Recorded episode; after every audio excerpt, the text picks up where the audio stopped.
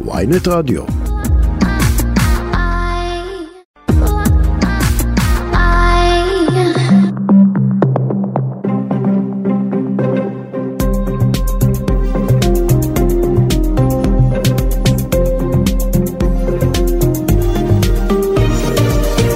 עכשיו בוויינט רדיו, שרון קידון וישי שנרב.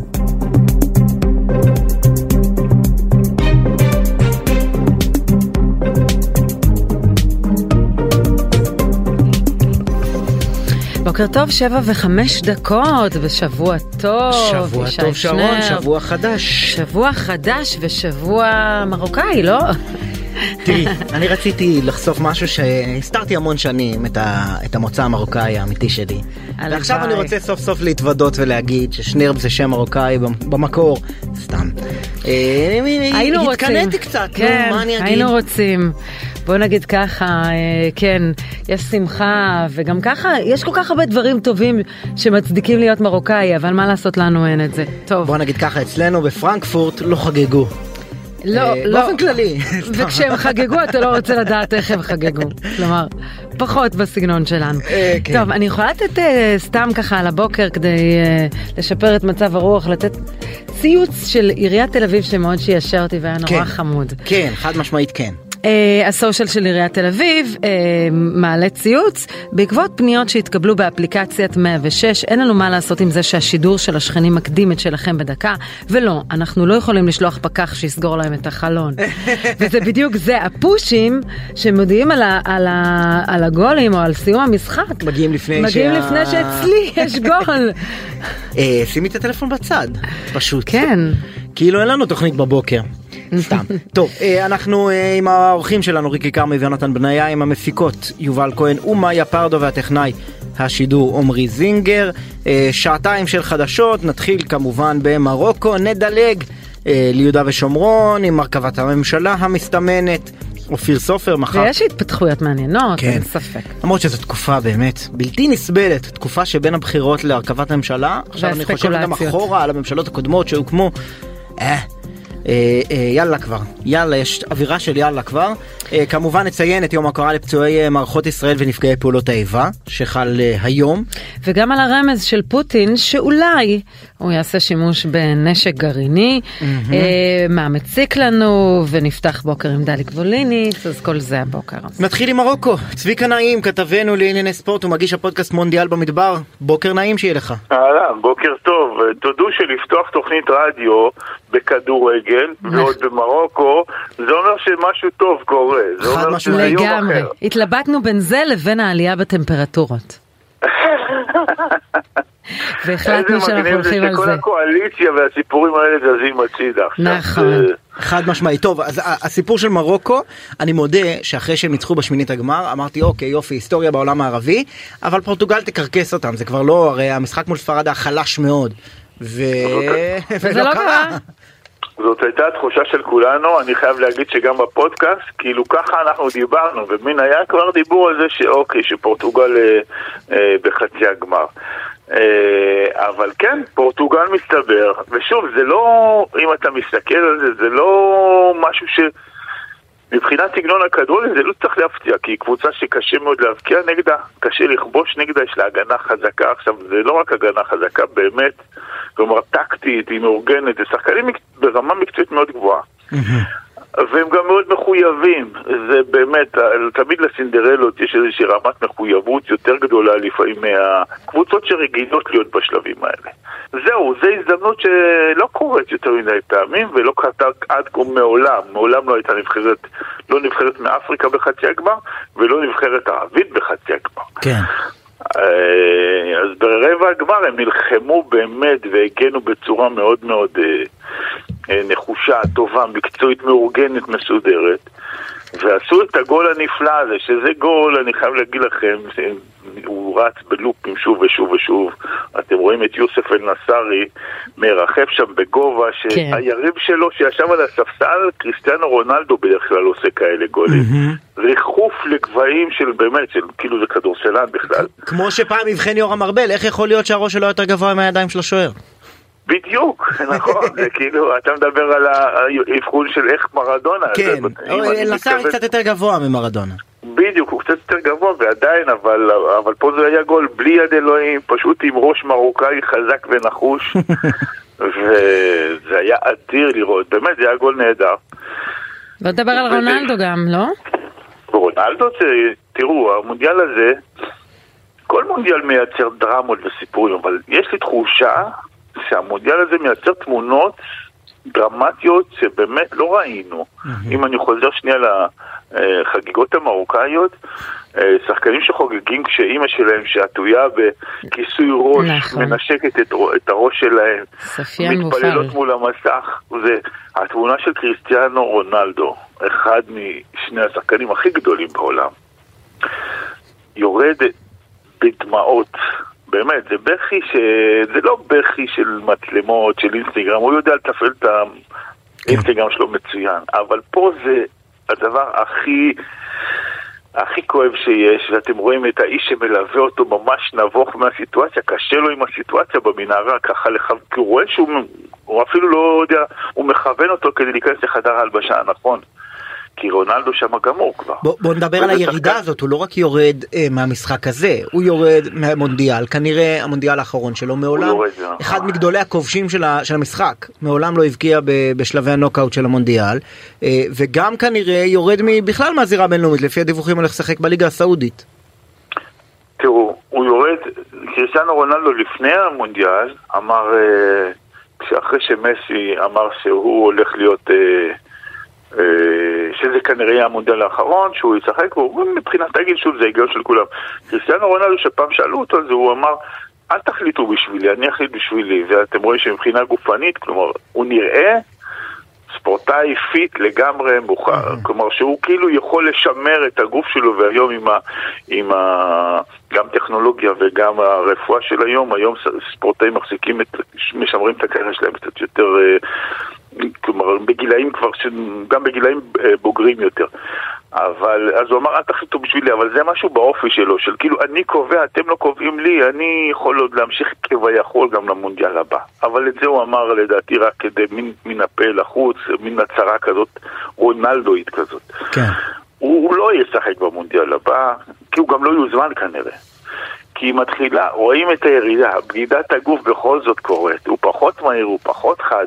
לא, ו- וגם זה היה נראה לפרקים שכשהוא על הדשא נבחרת פורטוגל פחות טובה, כנבחרת, כקבוצה. זה היה בולט מאוד ב- ב- בשמינית הגמר. זה בלט מאוד בשמינית הגמר מול שווייץ, אה, ששם הורידו אותו לספסל והקבוצה ניצחה, ונבחרת פורטוגל ניצחה שש אחת. כן. אבל יש משהו ברונלדו ש... שזה לא, אתה יודע, זה לא נמדד לפעמים ב... הוא גם לפעמים, האגו שלו מפריע לשאר הקבוצה, לנבחרת. וזה מה שקרה כנראה. זה מה שקרה שגרם למאמן להעז בכלל להוריד אותו לספסל. סופו המקצועי של ענק, כן. צביקה נעים, כתבנו לענייני תודה. ספורט, אה, מגיש הפודקאסט מונדיאל במדבר, מומלץ מאוד, תודה רבה לך. תודה. תודה לכם, ביי. ומאזין על הקו אייל דוד, סגן שגריר ישראל במרוקו, בוקר טוב לך. בוקר טוב שרון, בוקר טוב ישי, איזה זמן, בוקר לי- נהדר. כן, איזה זמן להיות במרוקו. איזה. מדהים, מדהים, אנחנו חווים את זה כבר בשבועות האחרונים וכל פעם אה, הנבחרת המרוקאית מתעלה על עצמה ומספקת לנו פה התרגשות אדירה. כן. אתמול אני עכשיו נמצא ברבת עיר הבירה והיו פה חגיגות עד השעות הקטנות של הלילה, כולם יוצאים לרחובות. תן לנו אה, תמונות ככה, מה- מה מה רואים? אז אה, רואים את אה, אנשים מכל הגילאים יוצאים לרחובות, מקטנים עד אה, גדולים, ואפילו יש את החאז'ות, את הנשים המבוגרות המרוקאיות שיוצאות ורוקדות עם צהלולים אני חושב, אז אנחנו כולנו מכירים את הצהלולים המרוקאים, ממש, ממש גאווה למרוקו, ליבשת אפריקה, לעולם הערב- הערבי המוסלמי וגם לנו הישראלים, אם אנחנו לא במונדיאל אז לפחות החברה הטובה מרוקו מספקת לנו גאווה. אז אני הייתי ברבת, אבל אה, עינת שרוף נמצאת פה גם בימים האחרונים. חגגנו איתה את הניצחון של אה, מרוקו על פורטוגל לפני כמה ימים במרקש, בחגיגה גדולה עם סוכני הנסיעות מישראל, ואתמול היא שלחה לי תמונות, מ- תמונות וסרטונים מהעיר שפשאוואן.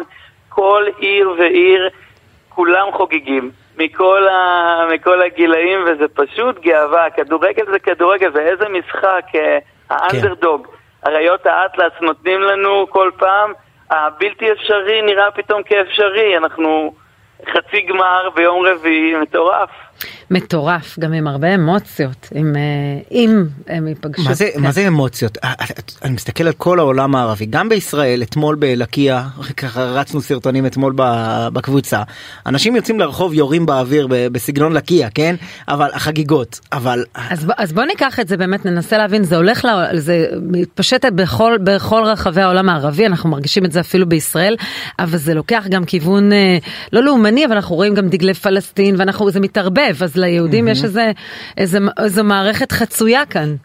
אז אני, אני בתור הנציג הישראלי, אחד מהנציגים הישראלים פה, קיבלתי כל מיני שאלות לגבי באמת דגלי פלסטין, ואני חייב להגיד לכם שגם ביררתי עם החברים המרוקאים שלי, והבנתי שהדגל פלסטין, שגם הוצג במשחק נגד אה, פורטוגל, זה יוזמה של אחד משחקני הנבחרת המרוקאית שמשחק בקבוצה סעודית.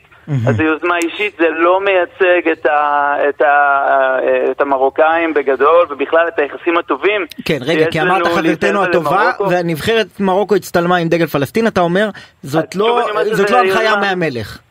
ממש לא, ממש לא, ואנחנו חוגגים עוד אה, פחות משבועיים, אנחנו חוגגים שנתיים לחידוש היחסים בין ישראל למרוקו, זה ה- זה ה-22 בדצמבר אה, 2020, אה, ואנחנו עושים פה ברבת, אנחנו עושים אה, חגיגה גדולה אה, לציון המאורע, בשנתיים האלה היחסים בין ישראל ומרוקו התחממו בצורה ענקית, היו פה שמונה ביקורי שרים אה, מאז חידוש היחסים של שמונה שרים מהממשלה הקודמת, אנחנו עכשיו נחכה לממשלה הנוכחית ואני בטוח שהם כולם אה, יגיעו אחד אחרי השני, באמת לקדם את היחסים, הפוטנציאל הוא גדול בכל התחומים, ביטחון וכלכלה ותרבות. הבימה היו פה לפני אה, שבועיים עם כן, בוסטן ספרדי ומשכו אלף... מרגש.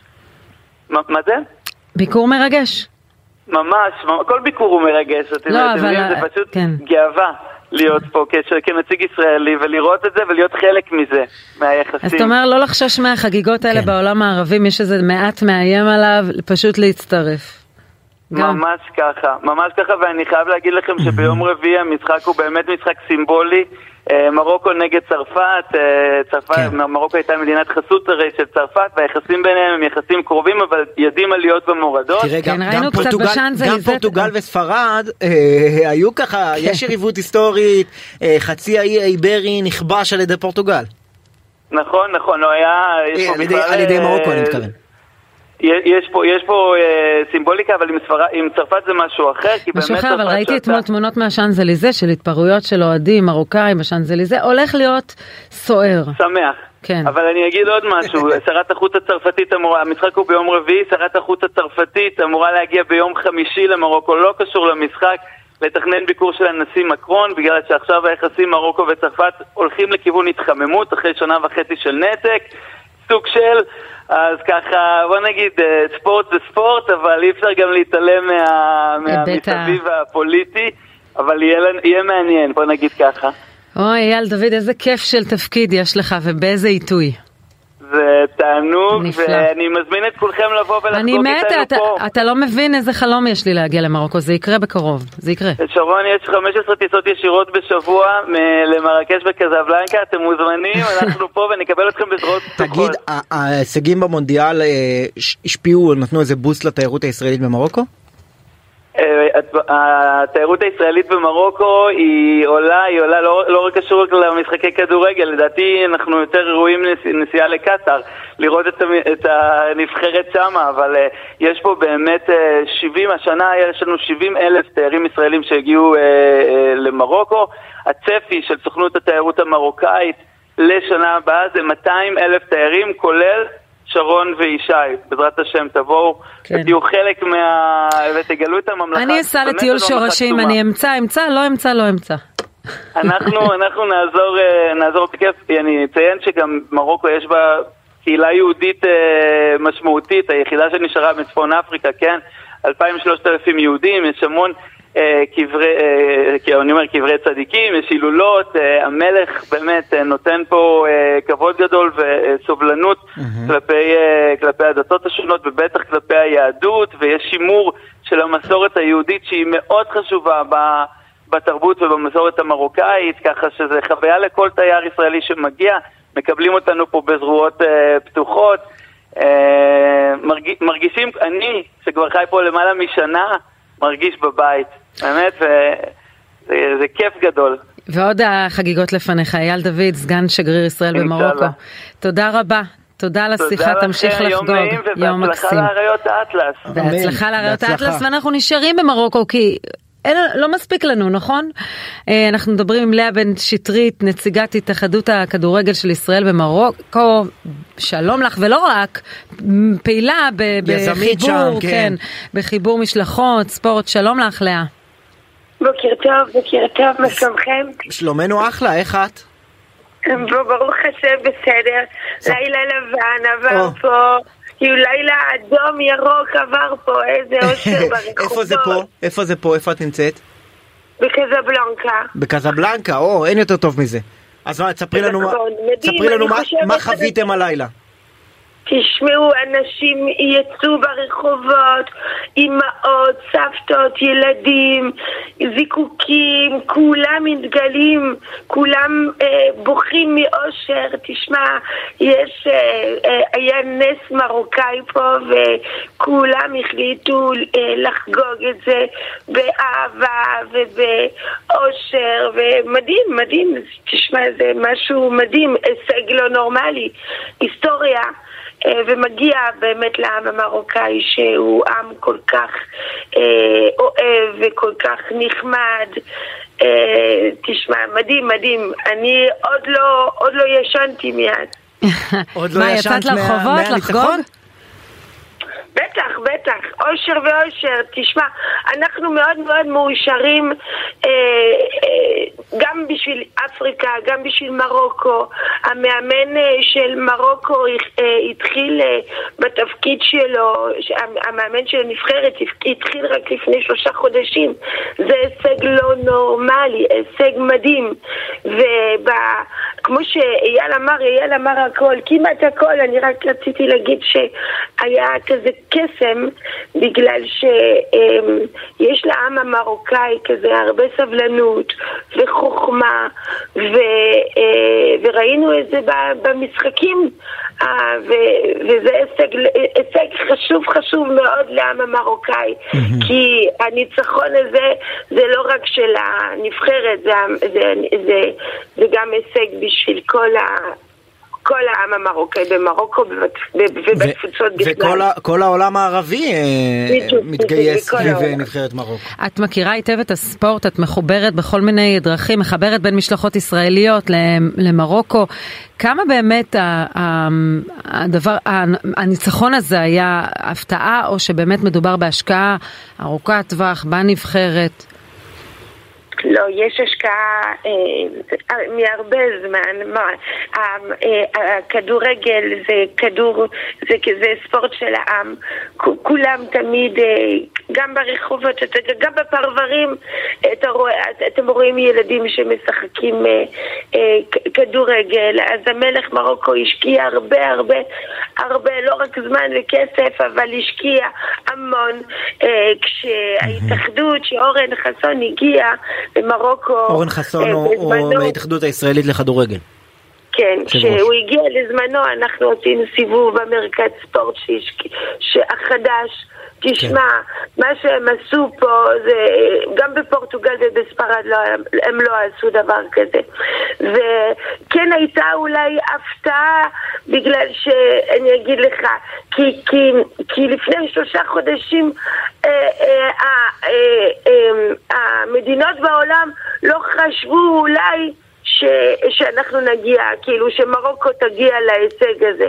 אבל העם תמיד הרגיש ותמיד חשב ותמיד האמין, הוא, אה, אה, זה עם של אמונה. לאה, תספרי אה, קצת על התפקיד שלך. מה זה אומר שאת נציגת ההתאחדות הכדורגל של ישראל במרוקו? עשיתי את הקשר בין ישראל למרוקו, חתמנו את ההסכם בזמנו, גם בכדורסל דרך אגב. לא, אבל יש לנו, להתאחדות שלנו, יש נציגים בכל העולם? אה, במרוקו יש, אולי יש במקומות אחרים, אבל במרוקו יש. יפה. יפה. לאה בן שטרית, יזמית ונציגת התאחדות הכדור. אני רציתי ברשותכם, כן. אני רציתי ברשותכם להגיד איזה משהו. כן. אמרתי שיש איזה נס מרוקאי, היה, יש פה, אה, חגגנו לפני גם שבוע את התיירות הישראלית. אה, היו פה כנסים, מן הצרוף, שמעון בוסקילה, אלעל, כל ה... אה, כל החברות התעופה והנסיעות אה, היו פה ונשארו עדיין, אה, את ההנ- ההנהלה נשארה. אה, טלי לאופר ועינת שרוף היו פה ואני שמחה מאוד שחגגו את מרוקו, זה לא כן. כמו שדיברנו אתמול, זה לא ככה סתם במקרה, זה באמת אה, מהשמיים ומאוד מאוד חשוב גם. אבל, אבל, אולי אבל אולי, אולי אני, אני חוזר רגע. אני חוזר רגע ל- לתמונות שראינו עם, ה, עם הדגל פלסטין של החגיגות של נבחרת מרוקו. אולי את יודעת מה שאנחנו אה, אה, חושבים ברמה הדיפלומטית שקורה בין אה, ההנהגות של שתי המדינות לאו דווקא מחלחל לעם. אה, אבל זה, אה, תשמע, מה שחושבים, יש כמה אנשים שחושבים דברים ואנחנו לא יכולים אה, להגיד לאנשים מה לעשות. אבל כמו בישראל יש גם אה, אנשים של, כן. ש, שיש להם דגלי פלסטין, אז מה אנחנו יכולים לעשות? לא, את יודעת, המרוקאים. גרים בבית מזכוכית, יש, יש להם כיבוש על חבל ארץ אה, מערב סהרה שרוצה עצמאות ויש לו דגל משלו. טוב, אבל זה כבר, אה, זה פוליטי. כן, לאה בן אין שטרית. מערב, סהרה, תודה. בספורט אין פוליטיקה. אין נכון. צודקת. אנחנו מדברים תמיד על שלום, זה מה ש... זה השפה זה גם החיבור הכי אה. טבעי שיש לאה בן שטרית. תודה רבה, תמשיכו לחגוג. תודה רבה, להתראות. להתראות. תודה. אה, אנחנו לעניינים אחרים, למזרח התיכון האמיתי שלנו, כן. נכון?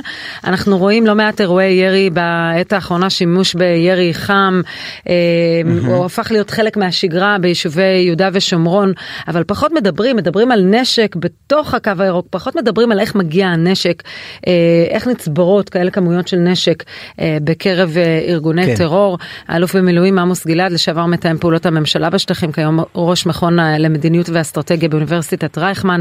בוקר טוב לך. בוקר טוב, שלום. יחסית בתקופה שלפני הגל הנוכחי היה יחסית שקט, והאם התקופה הזו בעצם אפשרה לצבור נשק אה, בקרב כל מיני ארגונים, אה, גם המוכרים וגם הקטנים?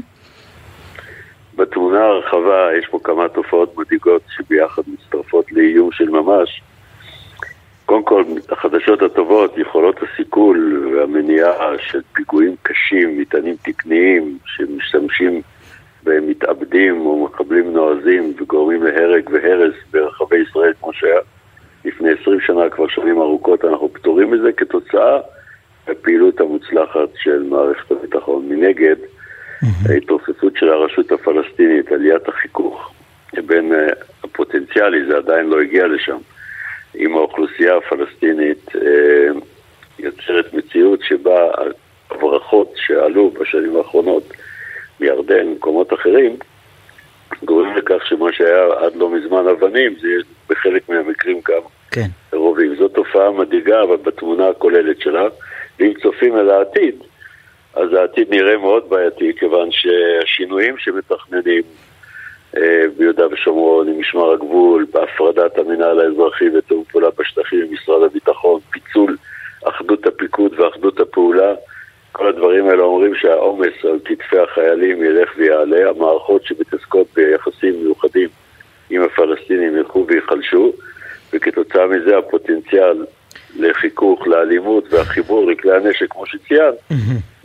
אבל אלוף במילואים עמוס גלעד, אולי זה המאפיין הכי חזק של אה, אה, גל הפיגועים האחרון, אה, התפוצה הרחבה של כלי נשק אה, בידי פלסטינים ביהודה ושומרון, וכשאתה מנסה להתחקות אה, מאיפה מגיע הנשק הזה ואיך הוא הצטבר כל כך, התשובה היא מה, באמת הברחות מכיוון ירדן בעיקר? לא רק מירדן, גם מירדן, גם מחנות צה"ל, יש לזה הרבה מקורות. אבל אתה מסתכל על, ה, על הנשק, אני מסתכל, נניח שהיה נשק והוא היה נאגר בסודיות. זה חמור? כן. האם זה הורג? לא. אבל מה שאנחנו רואים זה עלייה דרמטית בהיקף החיכוך, עם כנופיות וחוליות כן. של יורים ומפגעים. עדיין החדשות הטובות, וגם הסיכול, כמו שציינתי, לא, וגם היעדר חיכוך עם האוכלוסייה. אין ספק שבסוף מערכת הביטחון הצליחה למחוץ את ארגון לא, גוב לא, האריות לא למשל. מבין, אבל, אבל ארגון כזה לפני כמה שנים יכול להיות שהיה מתקשה בסדר. לשים את הידיים על כלי נשק כמו אנחנו M16, צריכים- כמו, כמו בסדר, אה, אבל- מקלעים ודברים כאלה. היום אתה רואה אותם עומדים, בתהלוכות לא, לא אתה רואה נשק צה"לי. שוכבים כן. עם נשק קודם כל, ומעלים אה, לטיק טוק. אין, אין מקלעים, אה, צריך לדייק, אבל אתה מתמקד רק, ב, אתם מתמקדים בהיבט אחד. אני רוצה לשרטט את כל התמונה. אנחנו במגמת החרפה מאוד רצינית ביהודה ושומרון בעיקר, כי שם השימוש, השילוב בין שימוש לנשק לעליית החיכוך עם האוכלוסייה הפלסטינית, עליית ירידת קרנה של הרשות הפלסטינית שמרבים להשמיץ אותה, אבל היא עדיין מחזיקה את הקשר שהתועלת הביטחונית שלו רבה לגבי צמצום חיכוך עם האוכלוסייה וכמויות הנשק הגדולות האלה, הם בפירוש, וגם הפרדת מערכת הביטחון לפי ראשים פוליטיים, כאילו מינהל אזרחי, תיאום פעולה בשטחים, מג"ב לשרים שהם לא חלק ממערכת הביטחון ויש להם גם אג'נדה שיכולה ליצור הג- הגברת החיכוך, כל אלה משרטטים תמונה קודרת למדי. אתה שותף לאמירה של גנץ שאנחנו יכולים להיות, לעמוד בפני אירוע שבעצם יצית את השטח, שאירוע משמעותי גדול, ואולי יש לו קשר ל- לממשלה החדשה? לא, לא הצלחתי להבין את האמירה. לא הוא נתן איזושהי זה. אזהרה גנץ בשבוע שעבר על כך ש... תמיד צפוי כן. איזשהו אירוע גדול. זה לא, הוא כמובן קשר את זה לממשלה החדשה. אני לא אני לא נותן ציונים, אני לא בטוח שכך הוא אמר. אני עכשיו תיארתי מה עומד לקרות. זה די ברור, זה כתובת על הקיר, הערכה מאוד פשוטה. אנחנו במגמת החרפה. התיאורים האלה שבהם הרשות היא רשות של טרור, שזה לא נכון, בניגוד לערפאת אבו מאזן הוא מתנגד לטרור, אבל הוא כן יפתח מולנו חזית בינלאומית, אין אופק מדיני שם. חזית בינלאומית היא מסוכנת, כי אנחנו גם ננקוט מן הסתם בממשלה החדשה אולי צעדי תגמול נגד הרשות הפלסטינית, נחליש אותה עוד יותר ונגביר את החיכוך. ואם נוריד כוחות ונפצל אותם, המינהל האזרחי והתיאום זה גופים שלא מוכרים אולי לציבור, אבל הם גופים מאוד חשובים בשמירת קשר עם הקשרים המסובכים, האוכלוסייה הפלסטינית והרשות. תארו לכם למשל שהרשות תיעלם, מי יישא בעול זה מיליארדים רק של הביוב והחשמל, החינוך וכולי וכולי. הם מנהלים את הדברים האלה. יש פה פוטנציאל להידרדרות עמוקה. יש לי איזו תחושה עמומה או עמוקה שזה לא כל כך מובן, כי מתעסקים פה ב, כרגיל בפוליטיקה. אי אפשר לפצל מערכת ביטחון. אם אתה מפצל אותה לגופים עוד שיש ביניהם ניגוד, זה יוצר החלשה של היכולות הפעולה הביטחוניות. כן, אבל אה, איפה אתה רואה את הגב... אה, פוטנציאל הגברת חיכוך בזה שסמוטריץ' אמרתי. יקבל את האחריות על המינהל האזרחי ומתאם פעולות. הממשלה בשטחים? אמרתי, מה זה, מה זה מינהל אזרחי ותיאום פעולה?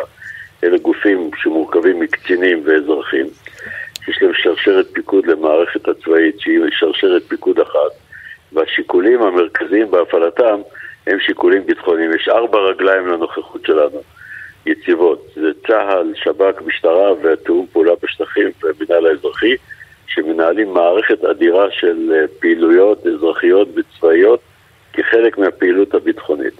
ברגע שאתה לוקח את תיאום הפעולה והמינהל האזרחי ומפקיד אותה בידי אנשים שעד אתמול התמודדו עם המערכת הזאת ונלחמו בה ורוצים להרחיב התנחלויות ולהרחיב את הנוכחות של האזרחים היהודים הישראלים, זה יביא לחיכוך. לאחר מכן מג"ב הוא שייך עד עכשיו לצה"ל מבחינה הפעלתית. אתה לוקח את הכוחות האלה, נותן להם משימות אחרות, מתעדף אותם לטובת היהודים, מתעדף אותם נגד הפלסטינים, מחליש אותם, אתה מחליש את הכוח של צה"ל, זה אומר עוד עומס על הרשות הפלסטינית. כל כן, הפעולות אבל האלה בסוף, ביחד בסוף המחנה הזה ניצח את הבחירות.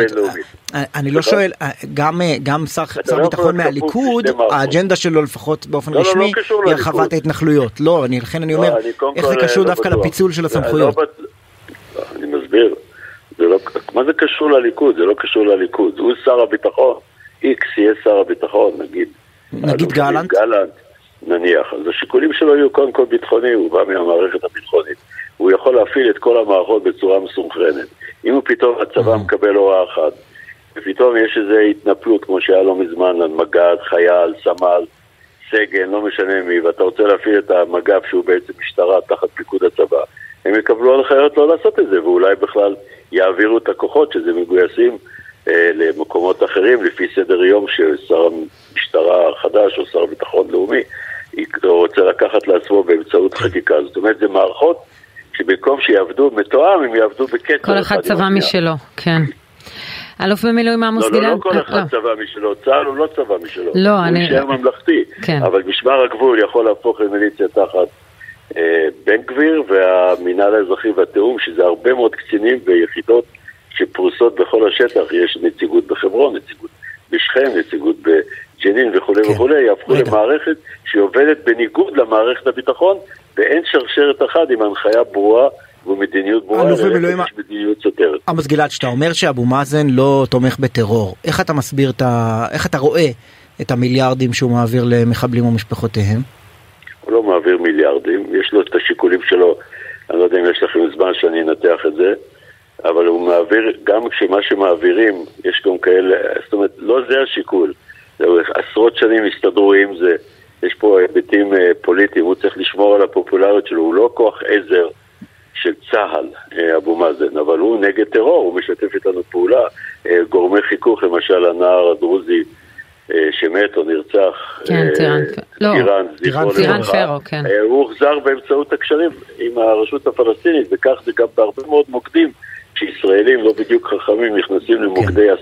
כל, כל שנה, כל שנה מיליארד וארבע מאות מיליון שקל מכספי הרשות הפלסטינית הולכים למשכורות למחבלים. איך זה לא, לא לתמוך בטרור? זה לא תמיכה בטרור. זה לא תמיכה בטרור לשלם למחבלים תמורת לא, מעשיהם? לא, לא, תקשיב, מה זה הדמגוגיה הזאת? הוא לא משלם למחבלים על מעשיהם, הם משלמים למשפחות שלהם, והם יצטרכו לשלם למשפחות דרך מנגנוני רווחה. המפתח לא, לתשלום הוא אם רצחת יותר אתה מקבל יותר, לא אם אתה אומלל יותר ויש למשפחה שלך אה, עוני. הוא מתאם, הוא וכל הזרועות שלו מתאמים עם מערכת הביטחון שלנו, עם כל הגופים שעובדים ביהודה ושומרון, אם זה השב"כ, המינהל האזרחי, צה"ל כמובן, האוגדה, הפיקוד. יש תיאום שמציל חיי ישראלים, זה הקריטריון בעיניי. הוא לא עוסק בפיגועים, הוא לא שולח מחבלים, אבל קרנו הולכת ויורדת, בין היתר בגלל הטענות שמעוותות כמו שאתה מציג את זה, והתוצאה היא... אני רק הצגתי את העובדות מתקציב הרשות הפלסטינית. אתה עוד תתגעגע אליו, ישי. אני לא אומר לא, לא אומר פה אם הוא יתגעגע, באופן אישי זה לא חשוב. אם הוא יתגעגע או לא, המערכת הביטחון תתגעגע אליו נכון. וזה כבר בתהליך. אלוף במילואים עמוס גלעד, תודה רבה. שלום. לשעבר מתאם פעולות הממשלה בשטחים, כיום ראש המכון למדיניות ואסטרטגיה מאוניברסיטת רייכמן, צריך לומר. נכון. הפסקה קצרה. עכשיו בוויינט רדיו, שרון קידון וישי שנר. קצת פוליטיקה, אה, נשיא המדינה מעריך את המנדט. בעשרה ימים, אבל לא בשבועיים. כן, להראות שהוא לא, לא לגמרי נותן הכל, אבל אה, ו, וגם היום אנחנו צפויים לדעת מי יהיה כן. יושב ראש בוא, הכנסת. בואי נשים את הדברים רגע למי שככה כן. לא עוקב, וזה קשה באמת לעקוב אחרי שלל הדיווחים והפייקים וכל מה שיוצא מהמשא ומתן הקואליציוני, איפה אנחנו עומדים מבחינת פוליטיקה. כרגע ראש הממשלה, בוקר טוב, שבוע טוב, כרגע ראש הממשלה הוא יאיר לפיד עדיין. כן. אה, בנימין נתניהו קיבל את המנדט. אבל ראש הממשלה הנוכחי מפגין נגד ראש הממשלה שעוד לא מונה. יפה, בדיוק. אוקיי. בנימין נתניהו מפגין בגשרים. בנימין נתניהו קיבל את המנדט מנשיא המדינה להרכיב ממשלה, אבל תמה התקופה והוא עוד לא הרכיב את הממשלה למרות שאומרים לנו שזה קלה קלות. הכל סגור, הכל סגור, כן. הלך בינתיים לבקש הערכה מהנשיא, קיבל עשרה ימים כמו שאמרת, לא שבועיים, אה, למרות שהנשיא יכול לתת לו 14 יום, כן. נתן לו עשרה ימים. בינתיים קורים כמה דברים. מה, מה נתניהו רוצה? כן. לפי מה שאומרים לנו הפרשנים הפוליטיים ואנחנו uh, מאמינים להם בסך הכל נתניהו מחר יקבל הזדמנות להחליף את יושב ראש הכנסת ככל הנראה זה הולך לכיוון דודי אמסלם אבל uh, ב-24 שעות הכל יכול להשתנות אתמול שמענו שגלית דיסטל לא תמונה לשרה וגילה גמליאל כן וכל מיני עניינים בליכוד פנימיים של הליכוד. Uh, עם הסמכות הזאת של יושב ראש כנסת הוא ינסה לשנות את החקיקה כך שיהיה יכול למנות את אריה דרעי לשר כן. ואז ירכיב ממשלה והכל יבוא על מקומו בשלום תוך עשרה ימים אשרי המאמין. כן, אבל אצל מי יש שקט? אצל אלה שחתמו ויודעים מה התפקידים שלהם. אה, הציונות הדתית לדוגמה, ואיתנו חבר הכנסת אופיר סופר, שלום לך. שלום, בוקר טוב. שר העלייה והקליטה הבא. בקרוב, כן? כן, בעזרת השם. ברכות, אתה בוודאי מרוצה. אה, מרוצה מאוד, פעם ראשונה בממשלה מבחינתי, תפקיד חשוב ומשמעותי, משימה ציונית מן המעלה הראשונה. למרות שחשבתי שבתור תושב הגליל תתעקש על התיק הזה. שעוצמה יהודית לקחו. עכשיו את אה, נוגעת בנקודות. אה, רגע, אבל... אבל יש עוד כמה תיקים חשובים שעניינו אותי, אבל את יודעת, בסוף אה, צריך לדעת לצמוח במה שיש, ויהיו גם הזדמנויות נוספות אחרות לעשות דברים אחרים. א', תסביר לנו באמת מי נגד מי. תוך עשרה ימים תוקם פה הממשלה? אתה בטח חושב שאני מבין יותר ממך.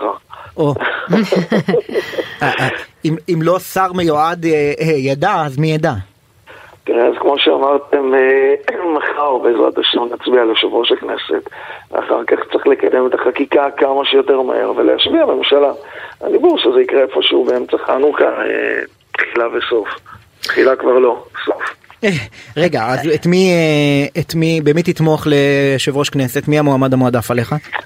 אני מניח שיהיה מועמד של הקואליציה, ואתה יודע, אני לא מתערב פנימה בתוך המפלגות האחרות את מי הם שמים. כולם אנשים טובים, כולם אנשים ראויים, וחבר של כולם. כן, זה לא משנה לך. אה, תעמדו מאחורי. ההחלטה הזו של הליכוד. לא שמעתי עוד פעם? תעמדו מאחורי ההחלטה של הליכוד ותצביעו כולכם בעד. בוודאי. אני רוצה לשאול אותך לגבי התפקיד, מקרוב העלייה והקליטה. מצד אחד, האינטרס שלך הוא כשר עלייה וקליטה להעצים את ישראל בנוכחות יהודית, בלהעלות כמה שיותר. מהצד השני, השותף שלך, אבי מעוז, שיהיה אחראי על נתיב, ויכול להיות שיקשה יותר, ואנחנו גם מדברים על כנראה ביטול אולי סעיף הנכד בחוק השבות. עוד מעט נשמע את כן, עמדתך מה בעניין הזה. עמדתך? זה- עכשיו זה הזמן שנשמע את עמדתך. אני אגיד ככה, קודם כל אני רוצה להגיד. ואני לא מתחמק, אני אגיע לזה עוד שנייה אחת. סוגיית העלייה היא צריכה להיות באמת סוגיה שקרובה לליבם של כל אזרחי ישראל, גם אם זה קצת יגרום להעלאת מחירי הדיור, כי פתאום יהיו עוד 30 אלף יהודים יגיעו לארצה ועוד 100 אבל גולדקנופ בונה דירות, וכולי. הכל טוב. אבל אין, אין משבר. אולי, אולי אופיר סופר ייצור לו את המשבר אם הוא יעלה לכאן אה, 50 אלף איש בשנה. כמו, כמו, אה, כמו סוגיית הגיור, אה, הדיור, גם סוגיית הגיור היא מטרידה לצורך העניין. בסופו של דבר זה אירוע שאנחנו לא מצליחים לטפל בו, ואנחנו לא מצליחים לעשות אותו בצורה אה, טובה, ולא כל, אני יכול לומר שאנשים רבים שעלו ארצה הם אפילו לא בסטטוס של אה, זכאי חוק השבות, ואני מדבר על אחוזים גבוהים מאוד כרגע, בעקבות מצב החירום, אבל זו בהחלט סוגיה שאמורה להטריד אותנו, ובתוך זה גם סעיף הנכד, יש אה, מקרים כאלה ואחרים, יש מקרים שיותר שייך שיעלו ויש מקרים שפחות שייך שיעלו. אנחנו בהחלט, אני אגיד את הדברים ואני אומר אותם בזהירות הרבה, אנחנו והמפלגה תומכים בשינוי סעיף הנכד.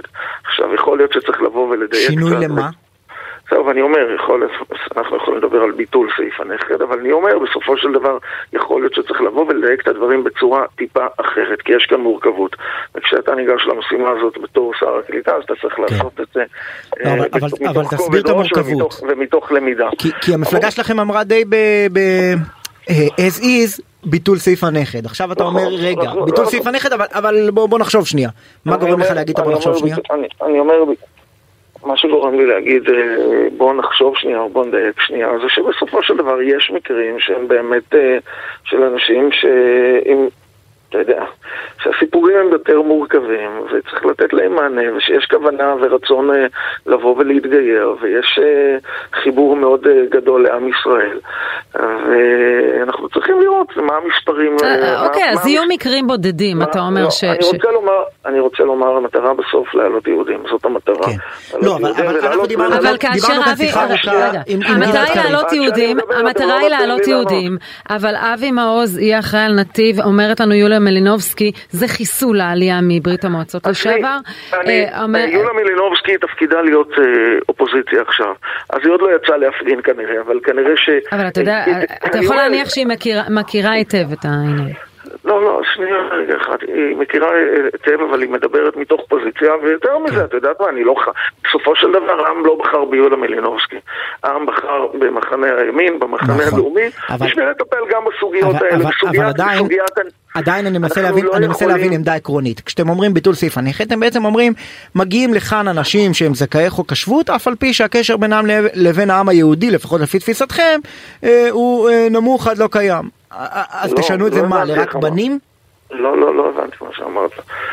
ככלל, אני אומר, העמדה העקרונית היא ביטול סעיף הנכד. זאת העמדה העקרונית. אני חושב, ולתחושתי, שאנחנו נצטרך טיפה יותר לדייק אותה, ואני מעדיף ללמוד את זה בצורה יותר מעמיקה, להבין מה, מה הנתונים, אה, אה, ללמוד את הנתונים יותר לעומק, ובהתאם לכך אה, לפעול.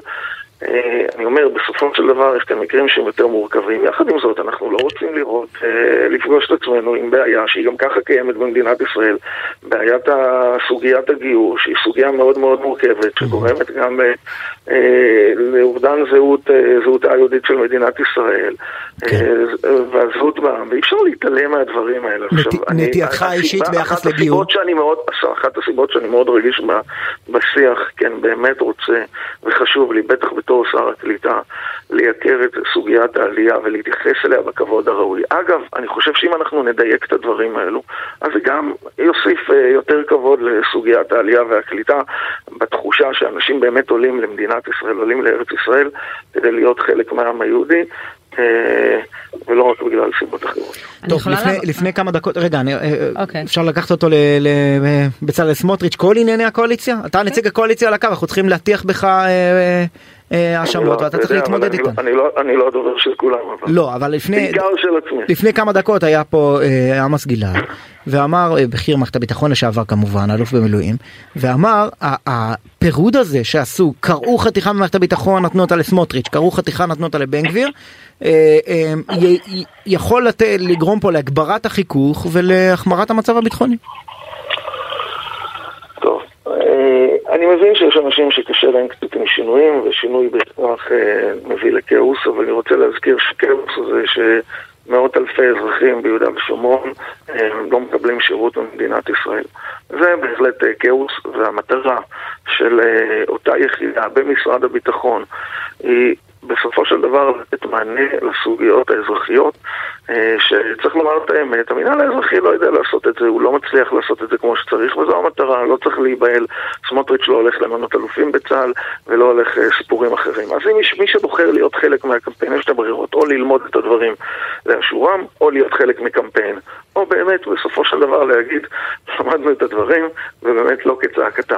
אותו דבר בסוגיית ביטחון הפנים. עמוס גלעד שהיה שנים ראש האגף המדיני-ביטחוני במשרד הביטחון לא, לא מכיר את הפרטים? אני, אני מאוד מעריך את עמוס גלעד, יחד עם זאת אני לא חייב להסכים איתו. אה, לא בשביל כל דבר אתה צריך להיות אלוף או מנכ"ל משרד הביטחון. אה, אתה יודע, יש גישות שאנשים התרגלו לעבוד בצורה מסוימת.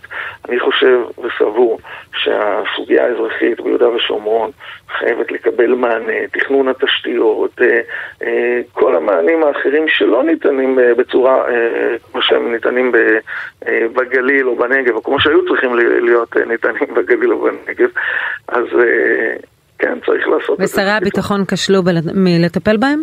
בסוגיות הללו? שרי הביטחון כשלו. כן, המציאות צריך להשתפר, מותר להשתפר ומותר לשנות מערכות. זה חלק מתפקידנו. טוב. אני רוצה לבקר. שהיינו חברים אה, בחלק מהממשלות האלו וצריך לעשות את הדברים אחרת. אותו דבר גם לגבי ביטחון הפנים. הסמכויות שמבקש עכשיו איתמר בן גביר זה לא הבעיה הפרטית שלו. זאת אומרת, לבוא כן. ולתת, אה, אה, זו בעיה, קודם כל זו בעיה של כל ממשלת ישראל וזה אתגר לאומי מן המעלה הראשונה. גם הוא, אני מזכיר שביטחון הפנים זה היה סוגיה מאוד מרכזית בבחירות האלו. ואנחנו צריכים לתת כלים כדי לממש... לאפשר לממשלה להיות רלוונטית. למה שקורה היום בביטחון הפנים. אני... ביטחון הפנים במדינת ישראל הוא מורכב מאוד, גם בהיבטים לאומיים וגם בהיבטים פליליים. צריך להגדיל את, ה... את התקציב וצריך להגדיל את, אה, את סדר הכוחות ולאפיין יחידות כאלו ואחרות. ותחומי עיסוק. ו... אבל, אבל, אבל נכון בעיניך לתת לשר, פוליטיקאי, לא משנה מאיזה מפלגה, סמכויות מבצעיות בתוך המשטרה? מה זה סמכויות מבצעיות? אני חושב שהוא צריך להיות, קודם כל, אני מניח שהוא לא יזיז כוח מכאן לשם. בסדר? זה לא בסמכותו, גם שר הביטחון לא עושה את זה. יש רמטכ"ל שעושה את זה. אבל כן, דברים דומים, אה, שהיום אני אומר לך שאנשים רבים אומרים, מה, שר ביטחון פנים זה תפקיד להיכשל בו, לא רוצים קודם כל, לא רוצים להגיע לשם. כן, אבל אם הוא מסרס את המפכ"ל והופך אותו להיות בובה שלו, אז יש סיבה להפרדה הזאת. לא, אתה לא, אתה לא מסרס, שר הביטחון לא מסרס את הרמטכ"ל, ושר הביטחון לביטחון פנים לא יסרס את המפכ"ל. הוא מעצים אותו, נותן לו את הכוח, נותן את הגיבוי, הוא שותף איתו בקביעת המדיניות והאסטרטגיה, שזה, או אסטרטגיית העל, הוא, אה, הוא יכול להעיר הערות כאלה ואחרות בנקודות זמן מסוימות. אה, זה חלק מהחובה שלו, בדיוק כמו ששר הביטחון עושה מול הרמטכ"ל. אם הממשלה, יש... אם הממשלה והיושבים בה יכולים להשפיע על החלטות המשטרה, למשל, לפתוח תיק, לסגור תיק, לצאת למבצע, לא לצאת למבצע, להעמיד לדין, לא להעמיד לדין, בוודאי שזה... אה, ישפיע על סמכויות. אז אני חושב שיש בחוק, אה, אני לא למדתי אותו עדיין, אבל אני חושב שיש בחוק הסתייגויות, אה, כמובן, מכל הנקודות הרגישות האלו שרמזת עליהן לגבי פתיחת חקירות וסגירת חקירות. אני, אני קורא מתוך ידיעות אחרונות הבוקר, נכתב בחוק שהמפכ"ל יהיה נתון למרות הממשלה וכפוף לשר, ואילו המשטרה תהיה נתונה למרות הממשלה, כך גם בעניין חקירה או תיק מסוימים, לרבות פתיחתם, ניהולם או סגירתם. האם לדעתך אין טעם לפגם לפחות ב, בסעיף הזה? האם זה תקין?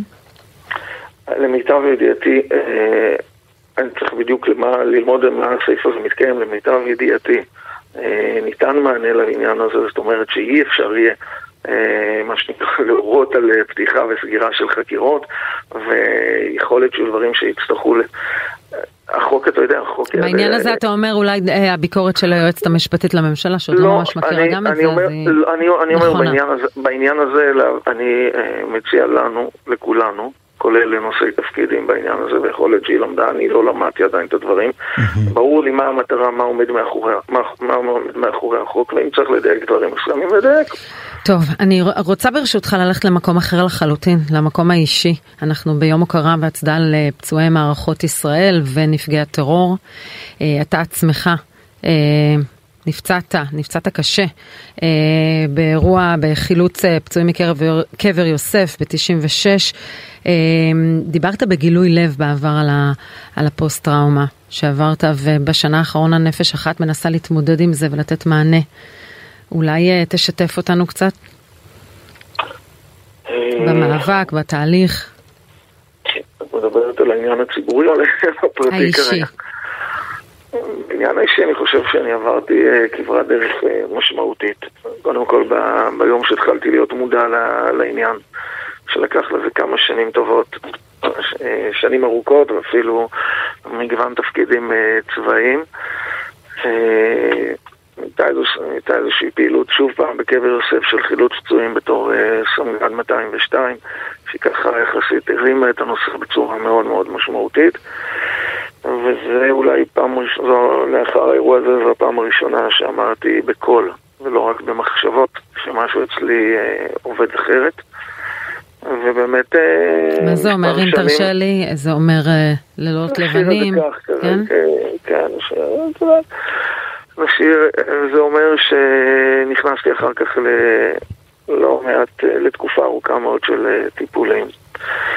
אה, ואני חושב שכל שלב בחיים אה, זה עוד סוג של, אה, של התקדמות קדימה. אפילו הפעילות הפרלמנטרית בכנסת אה, סביב הקמת הוו- הוועדה שהקמתי בזמנו לטיפול בנפגעי פוסט-טראומה, גם היא הייתה אפילו ברמה האישית קידמה אותי. זאת אומרת, הפצע הפך להיות פחות פצוע, פחות סדוק ופחות מדמם. ובאמת חלק מהשליחות שלי בעניין הזה זה באמת לראות שאנחנו ממשיכים לקדם את, ה... את הסוגיה של הטיפול בפצועי צה"ל. אני בדרך כלל נותן דגש, ואולי אנשים לא אוהבים את זה, אבל לפצועי צה"ל אה, בעקבות אה, אירועים מבצעיים, אה, בין אם זה טבח בבופור או חמליסט במגדל עוז, ובין אם זה לוחם. אה, אני חושב שיש משמעות גם אה, לעניין הזה. אה, בטח בעידן שאנחנו רואים ירידה במוטיבציה לגיוס בקרבי וירידה אה, במוטיבציה לגיוס בצה"ל בכלל. אה, חברי הקואליציה. רבים מחברי הקואליציה, הם לא מרבית, הם שייכים לאוכלוסיות שלא שולחות את בניהם ובנותיהם לשרת. כן, אבל אני חושב שהניסיון לבוא ולדבר כל הזמן על הסוגיה של הנה החרדים לא, לא מתגייסים, אז קודם כל החברה החרדית נעשה תהליך, מתקדם תהליך באופן טבעי, אבולוציוני, אה, וטוב שכך, של אה, רבים מהחרדים שהולכים ומתגייסים, ואני חושב שזה ילך ויגדל, ורבים מהם גם משתלבים בשוק העבודה. ויחד עם זאת, זה לא מאפשר לנו להתחמק מכך שבקרב האוכלוסייה הכללית, אה, ש... של כולנו. יש ירידה, יש ירידה במוטיבציה, יש העדפה ליחידות טכנולוגיות ופחות ליחידות קרביות, ואני חושב שיום ההוקרה לפצועי צה"ל ועוד אה, פעולות אחרות נוספות שצריכות להיעשות, אה, בהחלט יש להם מקום, ובסוף אה, אין מה לעשות, אנחנו אה, במדינת ישראל במרכז הג'ונגל של המזרח התיכון, והמשימה הביטחונית לא, לא תמה. אבל מה שאמרת קודם, ותקן אותי אם, אם טעיתי, אתה עושה אה, איזו התמקדות באנשים שקיפחו את חייהם או נפצעו בפעולות מבצעיות, בשונה מלמשל מי שנהרג בתאונה או, או נפצע בתאונה באותו, בזמן תפקידו? אני, אה, שוב פעם, אני אומר, סוגיה אה, רגישה. סוגיה רגישה בטירוף, אבל, אומר, אבל מעניינת. אני, אומר, אני לא מדבר על אנשים, אני מדבר, אני מדבר על פצועים בעיקר, ואני מדבר על כך שלכולם מגיע את המאה אחוז. אבל אני חושב שאם אנחנו ניטיב לטפל בלוחמים בצורה אחרת, ונוכל לתת להם הרבה יותר מ-100%. אני חושב שזה מה שצריך להיות במדינת ישראל. העמדה היא כנראה פחות פופולרית. יש אנשים שמוכנים להגיד אותם בחדרי חדרים, פחות מוכנים להגיד אותם, אה, להגיד אותה בגלי האתר או מעל בימת הכנסת. אה, אבל אנחנו צריכים לעשות את זה. אבל באיזה אופן? סליחה שאני אני, אה, מחטט בסוגיה הרגישה, אבל זה מעניין אותי גם באופן אישי. אתה אומר למשל, מה, שבהטבות, אגף משפחות משרד הביטחון צריך לצ'פר יותר לא, את מי ש... בואו לא, לא ניכנס לאגף משפחות, אני בכוונה, אני מדבר על פצועי צה"ל, אוקיי. אני מדבר על הפצועים, לא מדבר על אגף משפחות, אני מדבר על הפצועים. אז ביטוח לאומי. אה, לא ביטוח לאומי, על לא, אגף משרד השיקום. הביטחון. כן. אגף השיקום, משרד הביטחון מטפל בעשרות אלפים. אה, אני חושב שאחוזים נמוכים מהם הם אנשים שנפגעו בפעילות מבצעית. אני בעד לתת 100% על פי חוק מה שמגיע לכל מי שנפצע מתוקף, אתה יודע, שירות החובה וכולי, אנחנו צריכים בסופו של דבר לעשות את זה. 100%, אחוז אחד לא פחות. אני בעד שמי שנפצע בבינשמל, בבופור, ובעזה, בפעילות מבצעית, ושמי שהולך היום לפעילות מבצעית חודרת מעבר לאחד הקווים, ידע שמדינת ישראל לא תעשה את המאה אחוז, תעשה את המאות אחוזים, תטיס אותו לאן שצריך, תטפל בצורה אובססיבית, אה, לא משנה אם זה בפוסט-טראומה שלו, או בתותבת שלו, או בכל דבר אחר, כי אנחנו יודעים שבסופו של דבר הכל בסוף זה עניין של תקציב. אני חושב שאנחנו צריכים לעשות הרבה יותר, אנחנו לא מצליחים לעשות את זה. אני חושב שדבר כזה בהחלט יכול אה, לתת מענה. זה לא אומר שלא צריך לטפל באגף השיקום שמטפל בכלל הפצועים, להמשיך את הרפורמה וכולי, אבל את הלוחמים אנחנו צריכים להעלות על ראש שמחתנו. חבר הכנסת אופיר סופר, הציונות הדתית, שר העלייה והקליטה המיועד, אה, דברים אמיצים מאוד בעיניי, תודה שדיברת איתנו. תודה. תודה. אני, אני מתייחס ל, ל, לסיומת. כן. תראי, לא אני, אני כל שנה, ב... זה, זה, זה האירוע הכי רגיש כן בישראליות, באמת. אתה מדבר על אדם שהוא גיבור, צריך להגיד נכון, גיבור, וצריך הוא לומר, חילץ תחת אש, קיבל צל"ש אלוף, אחרי כן. שנפצע חזר אחרי כמה חודשים כן. והיה סמג"ד 202. כן, והגיע עד לדרגת רב סרן, איש שבאמת ראה את הצבא מהצד היותר קשה שלו, ו- ו- והוא בר- עומד תחת ראש מפלגה שהצהיר שהוא אה, לומד בישיבה, למד לימודי משפטים בקריה כן. האקדמית, שנה וארבע בקריה והכל. עכשיו, למה אני נדבקת לזה? כי זה באמת, כשאתה מדבר על הרצון לשרת ועל המוטיבציה והכל, ותסתכל על הקואליציה הזו. מה זאת אומרת יש ירידה, בוא נדבר על הירידה במגזר הכללי, יכול להיות שאנשים מאבדים מוטיבציה כשהם רואים מה קורה לחלק מהעם לא, שמקבל פטור. על המגזר של סמוטריץ' ובן גביר תנתקי אותם באופן אישי, בן גביר גם יגיד לך, השב"כ לא, לא, הסכים בן גביר אנחנו יודעים מדוע. אני עשיתי כן. שביתת רעב כדי להתגייס ולא הסכימו. כן. אבל, אבל אה, אם תסתכלי על המגזר, זה מגזר לא מאוד, אותו. מאוד משרת, כן. כן, ובניגוד לחברה החרדית, ששם אם תסתכלי על שכבת חברי הכנסת, את תראי שהם עצמם, רובם כן שירתו כן, למשל בש"ס. חלקם, כן. והילדים שלהם, כמו, ש, כמו כבר לא. שציינת, כבר לא. אה, אה, אה, אגב, בהקשר הזה, ידיעה הבוקר של איתמר אייכנר בידיעות אחרונות, מחקר חדש שנערך במועצה הלאומית לכלכלה במשרד ראש הממשלה, גיל הפטור ירד ב-2014, הורידו את גיל הפטור ל-24. והפטור לחרדים משירות וזה הגביר את ההשתלבות שלהם בשירות העבודה. מה קרה בשירות הת- ב-2020 כן, הם צריכים בתעסוקה? להתפרנס. ב-2020 החזירו אותו ל-26 את גיל הפטור ויש יש מאז 2015 בעצם איזה דשדוש בהשתלבות החרדית בגברים חרדים בשוק העבודה זאת אומרת דווקא הפטור שמעניקים להם הוא טוב הוא, הוא, הוא משלב אותם ב... אבל ב- מה שאומר זה שהם לא בתעסוקה. לומדים בישיבה, הם הולכים לעבוד. אם כי הם נתקעים שם בגלל הפטור אבל זה עניין אחר. טוב, אנחנו מסיימים שעה. נודה לאורחים שלנו, ליונתן בניה ולריקי כרמי, למפיקות יובל כהן ומאיה פרדו. לטכנאי השידור שלנו עמרי זינגר, אנחנו נהיה איתכם גם בשעה הבאה, ישי שנר ואני. חדשות וחוזרים.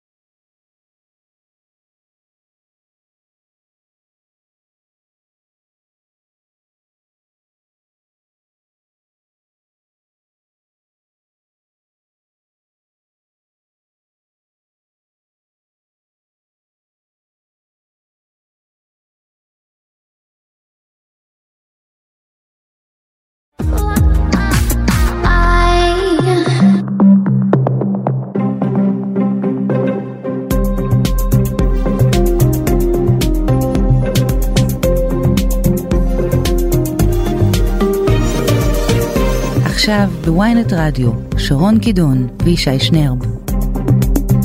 שמונה וחמש דקות, שעה שנייה, העורכת שלנו ריקי כרמי ויונתן בניה, אה, מפיקות יובל כהן ומאיה פרדו, טכנאי השידור שלנו עמרי זינגר, אתה ישי שנרב. את שרון קידון. וחזרנו בשעה כן. השנייה. אה, בשעה הזאת ניפרד מיצחק קלפטר, אה, כמובן נדבר קצת על... על המשטרה. על המשטרה בוודאי, אבל אני רציתי אה, לגעת ב, בפתיחה ככה ב, בשני סיפורים. אחד זה האירוע- סיפור של גרנט וול, אה, אחד מעיתונאי הספורט הכי בולטים בארצות הברית. הוא מגיע לקטאר עם אה, חולצת קשת בענן, מחאה משלו על המשטר הקטרי ויחסו לקהילה הלהט"בית. והוא נעצר. אחרי שהוא נעצר, עוברים כמה ימים, הבן אדם אה, מת. ב- ב- ב- הוא, הוא ביקר פעמיים במרפאת העיתונאים בדוחה אחרי כן, לא שנשלח הרגיש טוב, צריך להגיד, לאי-נוחות כן. בחזה, סיפר כי הרופאים העריכו שיש לו בסך הכל ברונכית, נתנו לו אנטיביוטיקה, אה, בימים האחרונים הרגיש יותר טוב, ביום רביעי בערב עוד הוא אירח חברים לחגוג יום הולדת, ופתאום בסוף השבוע, אה, אה, שלשום, מיד אחרי שסיים לסקר את משחק רבע גמר המונדיאל בין ארגנטינה להולנד, בן 48 בסך הכל, מת כשהיה באזור השמור לעיתונאים. אה, צוותים רפואיים ניסו לבצע בו החייאה במשך 20 דקות, לא הצליחו, גם סיבת המוות הרשמית עדיין לא ברורה. אה, ואני, את יודעת, נראה לי... מה אפס אתה לא מאמין? אה, אה, לי נשמע שאם הוא לא הרגיש טוב אז יש קשר לזה, אבל השאלה אם יש סיבה למה הוא לא הרגיש טוב. לא, א', א' צריך להגיד, אה, הרבה מאוד אוהדים שנמצאים עכשיו בקטאר מדווחים על וירוס כנראה שמסתובב בין כולם, הרבה מאוד מצוננים, אולי זה קשור לאקלים שם שמאוד מאוד לא, אבל. הוא דיבר קצת על תעוקת חזה, לא? כן, אבל אני אומר, יש הרבה הרבה מאוד אנשים שמרגישים חולים, כמעט כל מי שמגיע לשם חולה בשלב כלשהו, כמו שקרה הרבה פעמים במדינות זרות. אבל בן אדם שנעצר על רקע... אה, אה, אה, התנגדות משטרית כן, ל- כן, למסרים שלו. הלהט"ב. ואחרי כמה ימים מת בנסיבות די מסתוריות, בן 48, אה, שאין שום סיבה לחשוב שהוא ימות מברונכיטיס. אה, את יודעת, זה... לא, אני חשבתי על אירוע לבבי, אבל אח שלו משוכנע שהוא לא, שמעתי את, ה, אה, אה, את קריאות השבר של אחיו, שממש בטוח שמישהו... כן. אומר, אמר ככה, אני, אני אתרגם, אני הומו, ואני הסיבה שגרנט לבש את חולצת הקשת במונדיאל, אחי היה בריא, הוא אמר לי שקיבל איומי מוות, אני לא מאמין שאחי מת פתאום, אני מאמין שהוא נרצח. סיפור שעוד התפתח, אני מניחה שינתחו את הגופה שלו בהמשך, אז כן. אה, שאלה, לאן תלך הגופה הזאת? אה, היא תועבר לנתיחה בזמן סביר, מה יקרה בדיוק? לי נשמע שלהאמין שהוא מת מוות פתאומי מקרי זה כמו להאמין שאת זוכרת את חשוקג'י, כן. אה, שבאופן באופן מקרי לחלוטין אה, מצא את מותו מאיזה מסור שם. אני מניחה שהאמריקאים יבקשו נתיחת גופה, נראה מה יהיה. טוב, עוד אירוע מסתורי. כן. אנחנו uh, ציינו קודם בסוף השעה הקודמת על כך שאנחנו uh, ביום הוקרה uh, לנפגעי פעולות איבה וגם לנכי צה"ל, אבל אנחנו עוסקים בנושא של נפגעי פעולות איבה ואנחנו נדבר עם ענבר דוד, מנהלת אגף נפגעי פעולות איבה בביטוח הלאומי. שלום לך. בוקר טוב. בוקר טוב. אנחנו uh, יודעים שאתם מטפלים באורח קבע במי שנפגע מפעולות איבה, אבל בואי תספרי לנו uh, מה אומר הקשר היומיומי ומה אומר, uh, מה עומד לרשות המשפחות שנפגעות מפעולות איבה, מאירועי טרור. אוקיי. אז באמת היום אנחנו מציינים את יום ההוקרה לפצועי מערכות ישראל ונפגעי פעולות איבה. ואנחנו, בעצם זה משפחות שאנחנו מלווים אותן מרגע הפגיעה ולאורך כל מעגל החיים. אה, כשמדובר בפצועים פיזית שמגיעים לבית החולים, אה, עובדי השיקום בביטוח הלאומי ופקידי התביעות מגיעים אליהם כבר אחרי 24 שעות. אה, ומלווים אותם בכל הצרכים של ההתארגנות לקראת אשפוז, אם זה בטופס תביעה, אם זה מלונית שצריך לסדר, אם זה בייביסיטר לילדים, אם זה אובדן ימי הכנסה לנכה עצמו, mm-hmm. או לבת הזוג שמלווה אותו, או בן משפחה שמלווה אותו, אם זה אה, עלויות חנייה שפיתוח מממן, אוכל, ועוד ועוד.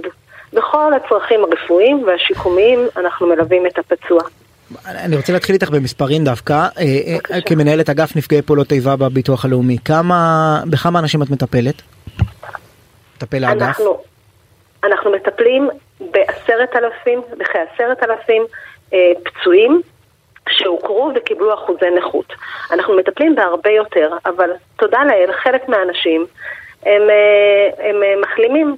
Mm-hmm. אנחנו גם מטפלים בנפגעי חרדה, שבעצם היו באירוע, אבל אה, לא הגיעו לבית החולים, וביטוח לאומי מממן עבורם סל של מענה, אה, של טיפולים, של 12 טיפולים באמצעות מרכזי החוסן, קופות החולים, כדי למנוע התפתחות של פוסט-טראומה, טיפול ממוקד, בעיקר בשיטת ה-CBT, התנהגותי קוגניטיבי, כדי לתת להם כלים לחזור אה, לחיי השגרה ולהתנהלות נורמטיבית.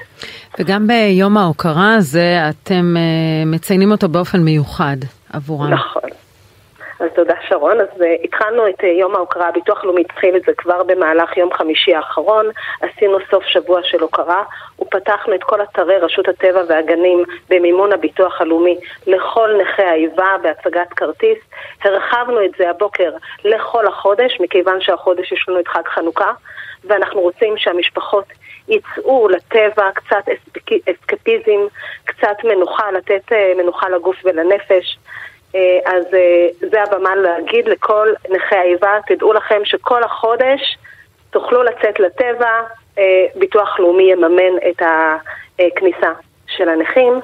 והיום, בשותפות עם בתי הקולנוע בישראל, ביוזמת הביטוח הלאומי, הרימו כמה בתי קולנוע את הכפפה וניתן כרטיס כניסה חינם לנכי האיבה, וזו הבמה להודות לרשת סינמה סיטי בכל המתחמים בארץ, לרשת בתי קולנוע הלב בכל המתחמים בארץ, כן. לרשת מובילנד, לסינמטק הרצליה, תל אביב וירושלים. מחר ייפתח אז זה גם... היום כניסה חינם לקולנוע כן. לנכי פעולות איבה. כן, ומחר אה, סינמטק שדרות אה, אה, ייתן כרטיס כניסה חינם לכל נכי איבה שיציג תעודה. כמי שעוסקת בנושא הזה ממש ביום יום שלך, את בתחושה שמדינת ישראל אה, בסך הכל מטפלת בכבוד הראוי באותם אנשים שנפצעו או, או אה, הפכו נכים באירועים לאומניים שכאלה? ישי, אני בביטוח לאומי 22 שנה, ואני חייבת להגיד לך שתמיד היה יחס שונה לאוכלוסייה הזאת, מבחינתנו הם גיבורים בעל כורחם. אה, אני יכולה להגיד לך שאנחנו מחבקים אותם אה, לאורך כל החיים. יש איזו צריבה מהקשר הראשוני, אה, ואנחנו איתם ולצידם, גם ברגעים הקלים וגם ברגעים הקשים. אני יכולה לספר לך שלפעמים אנחנו הכתובת הראשונה להתקשר בעת מצוקה, mm-hmm. כמו למשל, יכולה לספר לך שעובדת קיבלה טלפון בחמש לפנות בוקר כשבעלה של נכה נפטר. או עובדת אחרת שפנו אליה בבקשה ללוות אה, יולדת נפגעת פעולות איבה, אה, כי לא היה אה, מי במשפחה שילווה את אותה יולדת, וגם עובדי הביטוח הלאומי מוזמנים לאירועים משמחים, חתונות, בר מצוות. יש קשר שהוא ממש כמו רקמה אנושית אחת, חיה כמו משפחה, כן. בינינו, גם כלפי העובדים עצמם מרגישים ככה, ו... וגם מול הפצועים. ושאלה אחרונה ברשותך, אנחנו עסקנו בסוף השעה הקודמת בכמה עניינים מאוד רגישים סביב היום הזה, ואני מכיר הרבה פעמים תחושה אצל נפגעי פעולות איבה, שהעיסוק בהם מצד המדינה, מצד הציבור, הוא קצת נשחק ביחס לעיסוק בצה"ל ובחללי צה"ל, בנכי צה"ל, אה, שהם מקבלים את ה... נקרא לזה היוקרה, את הזרקור של הציבוריות הישראלית, בעוד נפגעי פעולות איבה לפעמים נדחקים לקרן זווית. את מתחברת לתחושות האלה? שאלה מצוינת, אה, ותודה לך. אני, זו הבמה להגיד שנפגעי פעולות איבה מקבלים אחד לאחד את אותן הזכויות כמו נכי צה"ל וכמו משפחות שכולות אה, של מערכות אה, ישראל. אני רוצה להגיד לך שגם היתרון שנפגעי פעולות איבה שנמצאים בביטוח הלאומי זה שבעצם אנחנו הבסיס למדינת הרווחה ואנחנו מסתכלים על הנפגעים האלה במבט של 360 מעלות על כל הזכויות ועל כל ההטבות של ביטוח לאומי ורואים את המערכת המשפחתית ואת המערכת התעסוקתית והחברתית ואני חושבת, ומי שנמצא בתוך ביתנו יודע שבפועל הם מקבלים הרבה יותר. אה, בגלל היכולת ובגלל הפלטפורמה של מדינת הרווחה שביטוח לאומי הוא הממונה עליה. ענבר דוד, תודה רבה לך על השיחה. אגף איבה בביטוח יום טוב הלאומי. ויום אה, הוקרה מוצלח. תודה יום רבה. ההוקרה לפצועי מערכות ישראל ופעולות האיבה. נכון. ואנחנו רוצים לדבר עם אחת, שאני- האמת שאני לא בטוח לאיזה קטגוריה היא נכנסת. כי היא גם... אה, גם הייתה במילוי תפקידה, נכון. אה, חובשת, וגם, במג"ב. ו, וגם נפצעה אנושות בפיגוע תופת בקו 18 בירושלים. דנה פנחסוב, בוקר טוב לך. בוקר טוב שרון, בוקר טוב יואב. ישי, ישי ישי. לצידי. ישי, כן. סליחה ישי, סליחה. הכל כן, בסדר, אה, בוקר טוב אז, דנה. אז אולי ברשותך, דנה, אני מכירה את הסיפור אה, באופן אישי, אבל אולי נחזור עם המאזינים שלנו קצת לא, לאותו בוקר. 1996. נכון, פברואר 1996, אני אה, חובשת בקבע במג"ב, הראשונה בתפקיד, תפקיד שנלחמתי עליו בבג"ץ, עולה בבוקר יום ראשון על אה, אוטובוס, ורגע לפני התחנה המרכזית, מחבל מתאבד מפעיל את אה, מטען החבלה שעליו, וגורם להרס נוראי, אה, 28 אנשים שנהרגים באותו בוקר. ואני יושבת על הטנק של הסולר, מספיקה ברגע אחד לא להיות בטוחה אם אני ערה או, או עדיין מנמנמת, אה, לראות את עצמי עולה באש ולאבד הכרה. אה, ורבע שעה אחר כך, כשמתחילים לפנות אה, גופות מהאוטובוס, אה, מישהו שם לב כשאני עדיין אה, בחיים. מטיסים אותי לבית החולים. וכל הגוף כוויות. אה, חצי מהגוף כוויות, עד המותניים אני שרופה לחלוטין. אה, אה, אדם שנפל עליי מנע, את, מנע ממני לקום, אבל גם מנע את עליית האש גבוה יותר. כל החלק התחתון. נכון. כן, אמר, הזכרת בדרך אגב, ואני כן רוצה להזכיר את זה, אמרת, נלחמתי על התפקיד הזה בבג"ץ, את בעצם החובשת הראשונה האישה. חובשת הראשונה. בקבע. במשטרת ישראל, נכון מאוד. כן. נכון. מה, מה קורה מהיום הזה מבחינת שיקום? אה, מתחילים את החיים מחדש, נולדים, ממש ככה, זה לא זו לא קלישאה, כי צריך ללמוד, צריך ללמוד ללכת, צריך ללמוד לאכול, צריך ללמוד להתאזן מחדש, ומה שחמוד בגיל שנה, קצת אה, יותר מורכב בגיל 21. מהמם. אה, וצריך אה, ללמוד להתאים אה, לחיים החדשים אה, במקום שאני שונאת את עצמי, אני מרגישה מכוערת, אני מרגישה מוגבלת, אני... אה, אה, אבל אה, למזלי אה, הייתי עטופה בחברים ובמשפחה ובאהבה גדולה שעוטפת אותי עד היום. אה, אה, מתחתנת, יולדת ארבעה ילדים מדהימים, אה, ומחליטה באיזשהו שלב שה... שזה בפני עצמו לא מובן מאליו, נכון? בכלל להיכנס. להיריון אחרי פציעה כזאת. מורכב לשאת הריון בתקופה כזו, ארבעה ניתוחים קיסריים, שכל אחד, וואו. בסופו של כל אחד מהם אושר גדול, אה, ומחליטה שהחלק שלי אחרי זה, אה, זה לעשות למען אחרים שנמצאים במקום שבו אני הייתי, לעזור לאנשים אחרים לצעוד את הצעדים הראשונים בעולם שנראה לך שהחיים נגמרו. מה את אומרת להם, לאלה שאת פוגשת? שיום אחד הם יקומו, וכל ההרגשות האלה יהיו מאחוריהם, כי הם ימצאו את הייעוד שלהם. וכל אחד הייעוד שלו הוא אחר, וכל אחד המקום שלו הוא אחר, אה, אבל בתוך קהילת פצועות ופצועי צה"ל אפשר למצוא הרבה תקווה. אה, והמון עזרה, זו הייתה הדרך שלי להשתקם, והיום אני נותנת את החלק שלי. אני זוכרת ששמעתי את זיו שילון מדבר, והוא אומר כשקראו לו לפגוש אה, פצוע אחר קשה, ואמרו לו תן לו כוח, הוא אומר אני בקושי קם, איך אני אתן לו כוח? והוא אומר וכשנכנסתי לחדר, פתאום הבנתי שעצם זה שאני כבר נכנס אליו, זה הכוח שאני אמור להעניק לו, כי יום אחד הוא יעשה את זה. ואני רואה אותך וראיתי אותך מופיעה מדהים, את אה, עומדת מול קהל מדהים ומספרת את הסיפור שלך, ואת בוחרת כן לחשוף דווקא את הפציעה, דווקא את הכוויות, שהקהל יראה. את לא מסתירה את זה. אה, עברתי שנים של הסתרה, אה, לא אה, עברתי מיד ל... בואו תראו את הצלקות ואת ההשתלות עור שלי, כי בהתחלה הן היו הכי נוראיות, ו... והסימן לכמה שאני מכוערת ולא שווה. אבל אחרי הרבה שלבים שהבנתי שהכל בתוכי, ושאין לי מה להתבייש, ואין לי מה להסתיר, ולא פשעתי בפני אף אחד. והצלקות האלה היום הם הכוח שלי, הם סימן העוצמה שלי אה, כלפי אנשים אחרים, שנשים צעירות שנפצעות פיזית ונפשית, אה, לראות שאין לנו מה להסתיר ואין לנו במה להתבייש, לא בפציעה פיזית ולא בפציעה נפשית, להפך. דנה, אני אשאל אותך מהפרספקטיבה של אה, אה, לקוחה את אותה שאלה ששאלתי את אה, ראש אגף אה, איבה בביטוח לאומי. מדינת ישראל אה, מטפלת בכ... בכבוד הראוי בנפגעי פעולות איבה, בנכי צה"ל? אני שמעתי את השאלה שלך אליה קודם, ו- וגם שמעתי אותך מתייחס לנכי צה"ל בתור אה, אה, אלה שבפרונט ויותר מתייחסים אליהם. אז לצערי עברנו הרבה הרבה שנים שמדינת ישראל שכחה גם מפצועי צה"ל, לא רק מנפגעי פעולות האיבה. אה, ובשנה האחרונה אנחנו כן רואים איזושהי התקדמות בנושא. יש המון מה לעשות.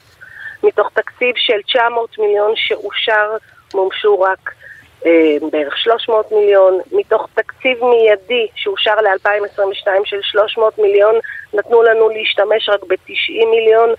כי המדינה גוררת רגליים, כי המדינאים שלנו מעכבים את החוקים, את התקנות, כל אחד מנסה לצבור איזושהי קופה על הגב של נכי צה"ל ולהגיד שהוא עשה, ובפועל 60 אלף פצועות ופצועי צה"ל עדיין ממתינים לסיוע. אבל איך זה קורה? אם, אם אושר תקציב, למה הוא לא מגיע לאנשים? כי התקציב אושר, אבל החוקים שמממשים את אותו תקציב נגררים. הנה סיבה מדוע צריך להקים ממשלה. לא, אבל, אבל, אבל כמו שאמרת זה נושא בקונצנזוס כל אחד מהפוליטיקאים רוצה לנופף לבוא לקהל שלו כן. ולהגיד אני דאגתי לנכי צה"ל. נכון חקיקה מהסוג הזה צריכה להיות חוצת אז, מפלגות. אז איך, כן. זה לא, איך זה לא קורה? כי אה, זה, זה בדיוק, זה, זה בדיוק מה שאנחנו אומרים והדברים היו אמ- אמורים לעבור עוד בכנסת היוצאת.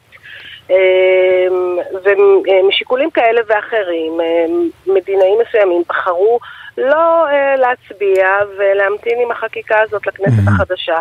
אנחנו מאוד מאוד מאוד מקווים ומייחלים שבאמת ההבטחות הגדולות ימומשו אה, ושפצועות ופצועי צה"ל יוכלו אה, לקבל את מה שמגיע להם, חלק ממה שמגיע דנה, להם. דנה, מה הרגע שבו את אומרת לעצמך ניצחתי?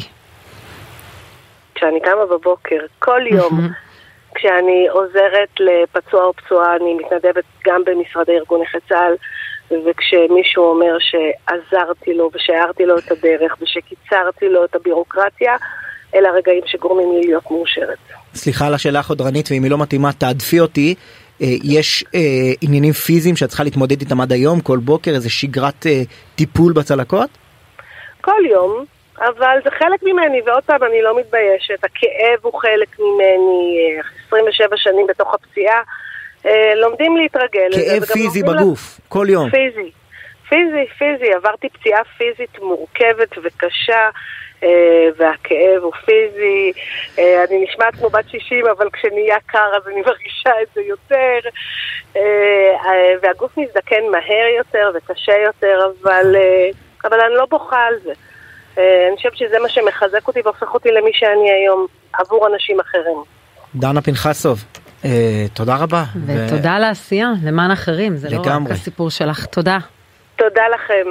תודה. אנחנו יוצאים להפסקה, מיד חוזרים. עכשיו בוויינט רדיו, שרון קידון וישי שנר. חזרנו, mm-hmm. והקרבות בין היועמ"שית לבין אה, איתמר. בן גביר רק מתגברים. זהו, את יכולה לעשות לי סדר מי נגד מי ולמה? לא, היא כבר הודיעה מראש שכנראה לא תתמוך בשינויי חקיקה שיביאו אותם לכנסת לפני... לסמכויות החדשות של איתמר בן גביר. כשר לביטחון לאומי. אוקיי, okay, עכשיו אני תוהה אם היא באמת ערה לכל הצעות החוק, כי הם למעשה הוגשו רק ביום חמישי, לא?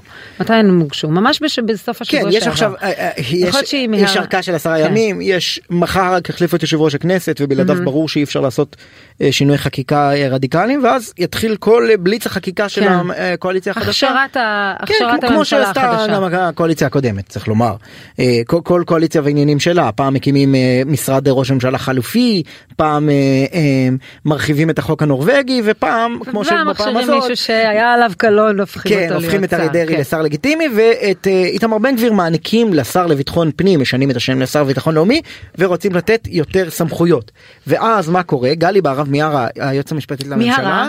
מיהרה אה, ל- ב- בדיוק, היא גיבשה חוות דעת שקובעת אה, בין היתר שבניגוד לצה"ל שפועל נגד אויבי המדינה, המשטרה פועלת למען האזרחים, ולכן היא אמורה להיות חפה מהשפעות פוליטיות, כלומר היא צפויה להתנגד לחוק בן גביר ולא להגן עליו בבג"ץ, אה, אז הקואליציה צריכה לקייל מחדש את הכוונות שלה ביחס לחוק הזה, אני לא או חושב... לשפץ את החוק, או גם קרו מקרים, נדמה לי שהיועצת המשפטית הודיעה שהיא לא תגן, אה, או היועץ בעבר, בוודאי. אה, שלא יגן בבג"ץ. בוודאי, אפילו על כבר. חוק ההסדרה, אם את זוכרת, הביא עורך דין פרטי שיגן עליו, כי מנדלבליט אמר בזמנו, אה, אני לא יכול להגן על הדבר הזה בבג"ץ, ועדיין הקואליציה רצתה להעביר את זה. מן הסתם דבר כזה, אני, קשה לי להאמין קשה שהם ישנו ש- את הניסוח, נכון, הם ש- פשוט בדיוק, הם ילכו על הדבר הזה אה, עד בג"ץ.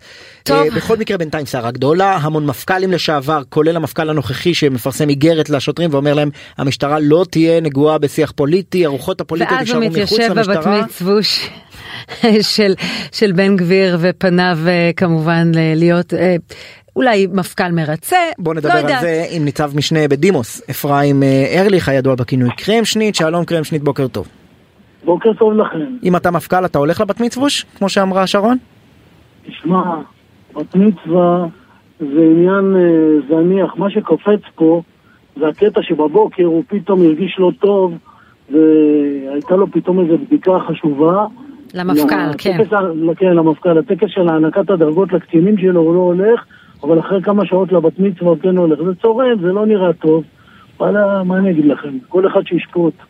אתה, כן, הוא, הוא אה, בקרב שרידות על התפקיד שלו, וגם מקורביו כבר אמרו שהוא לא יפרוש, למעט אם ייתנו לו פקודה בלתי חוקית, אבל בגדול הוא הולך כן. על זה בגדול. אז, אז אולי הוא עושה נכון כשהוא מייצר קשרים אישיים עם, ה, עם השר שכנראה הולך להיות, השר שמתווה את. המדיניות, כן, סליחה. אני רוצה להגיד לך משהו. בלי כל קשר לאדון בן גביר, אני ערב מינויו של קובי שבתאי למפכ"ל, אמרתי את המשפט הבא ואני חוזר עליו. מהיכרותי איתו, כן? זהו מינוי בעייתי שאנחנו מקווים שבעייתיותו לא תצוץ בהמשך. ולצערנו, בעייתיותו לא מפסיקה לצוץ יום יום, שעה שעה. איפה אתה רואה צצה קשר בהקשר הנוכחי? רגע, חכה רגע, אני חושב שהמפכ"ל הזה אמור היה לצאת לפחות לנבצרות. עזוב את שומר חומות, אחרי אירועי מירון, הוא לא לוקח אחריות, הוא מטיל את האחריות על הפיקודים שלו, הביא את המשטרה לעברי פי פחת, וכל זה בלי כל קשר לבן גביר.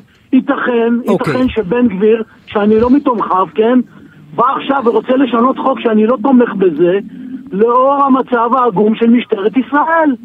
אז אני חושב שאפשר לעשות את זה בצורה אחרת, בלי לשנות בהתחלה את החוק, אבל המצב הוא רגע, לא אבל טוב. אני, אני חוזר לשאלה ששאלתי אותך בהתחלה. אם אתה המפכ"ל שבתאי היום, איך הוא יכול להתנהל נכון יותר בעיניך מול האירוע הזה של איתמר בן גביר מגיע, משנה את החוק, משנה את המשרד, משנה את, ה, את אז, אז היחסים? אני חושב, אז אני חושב, אני חושב, תראה איתמר בן גביר בא, זה רק פצצות, הפגזות, הכל. צריך להזכיר דבר אחד, דבר אחד, איתמר בן גביר מכיר את המשטרה לפני ולפנים. איתמר בן גביר היה... ולפנים, נחקר- כן. היה. נחקר, כן. נחקר, עורך דין ואזרח. הוא תבע את המשטרה עשרות אם לא מאות פעמים. נכון, אבל הוא גם הורשע. כן, אבל הוא גם הורשע.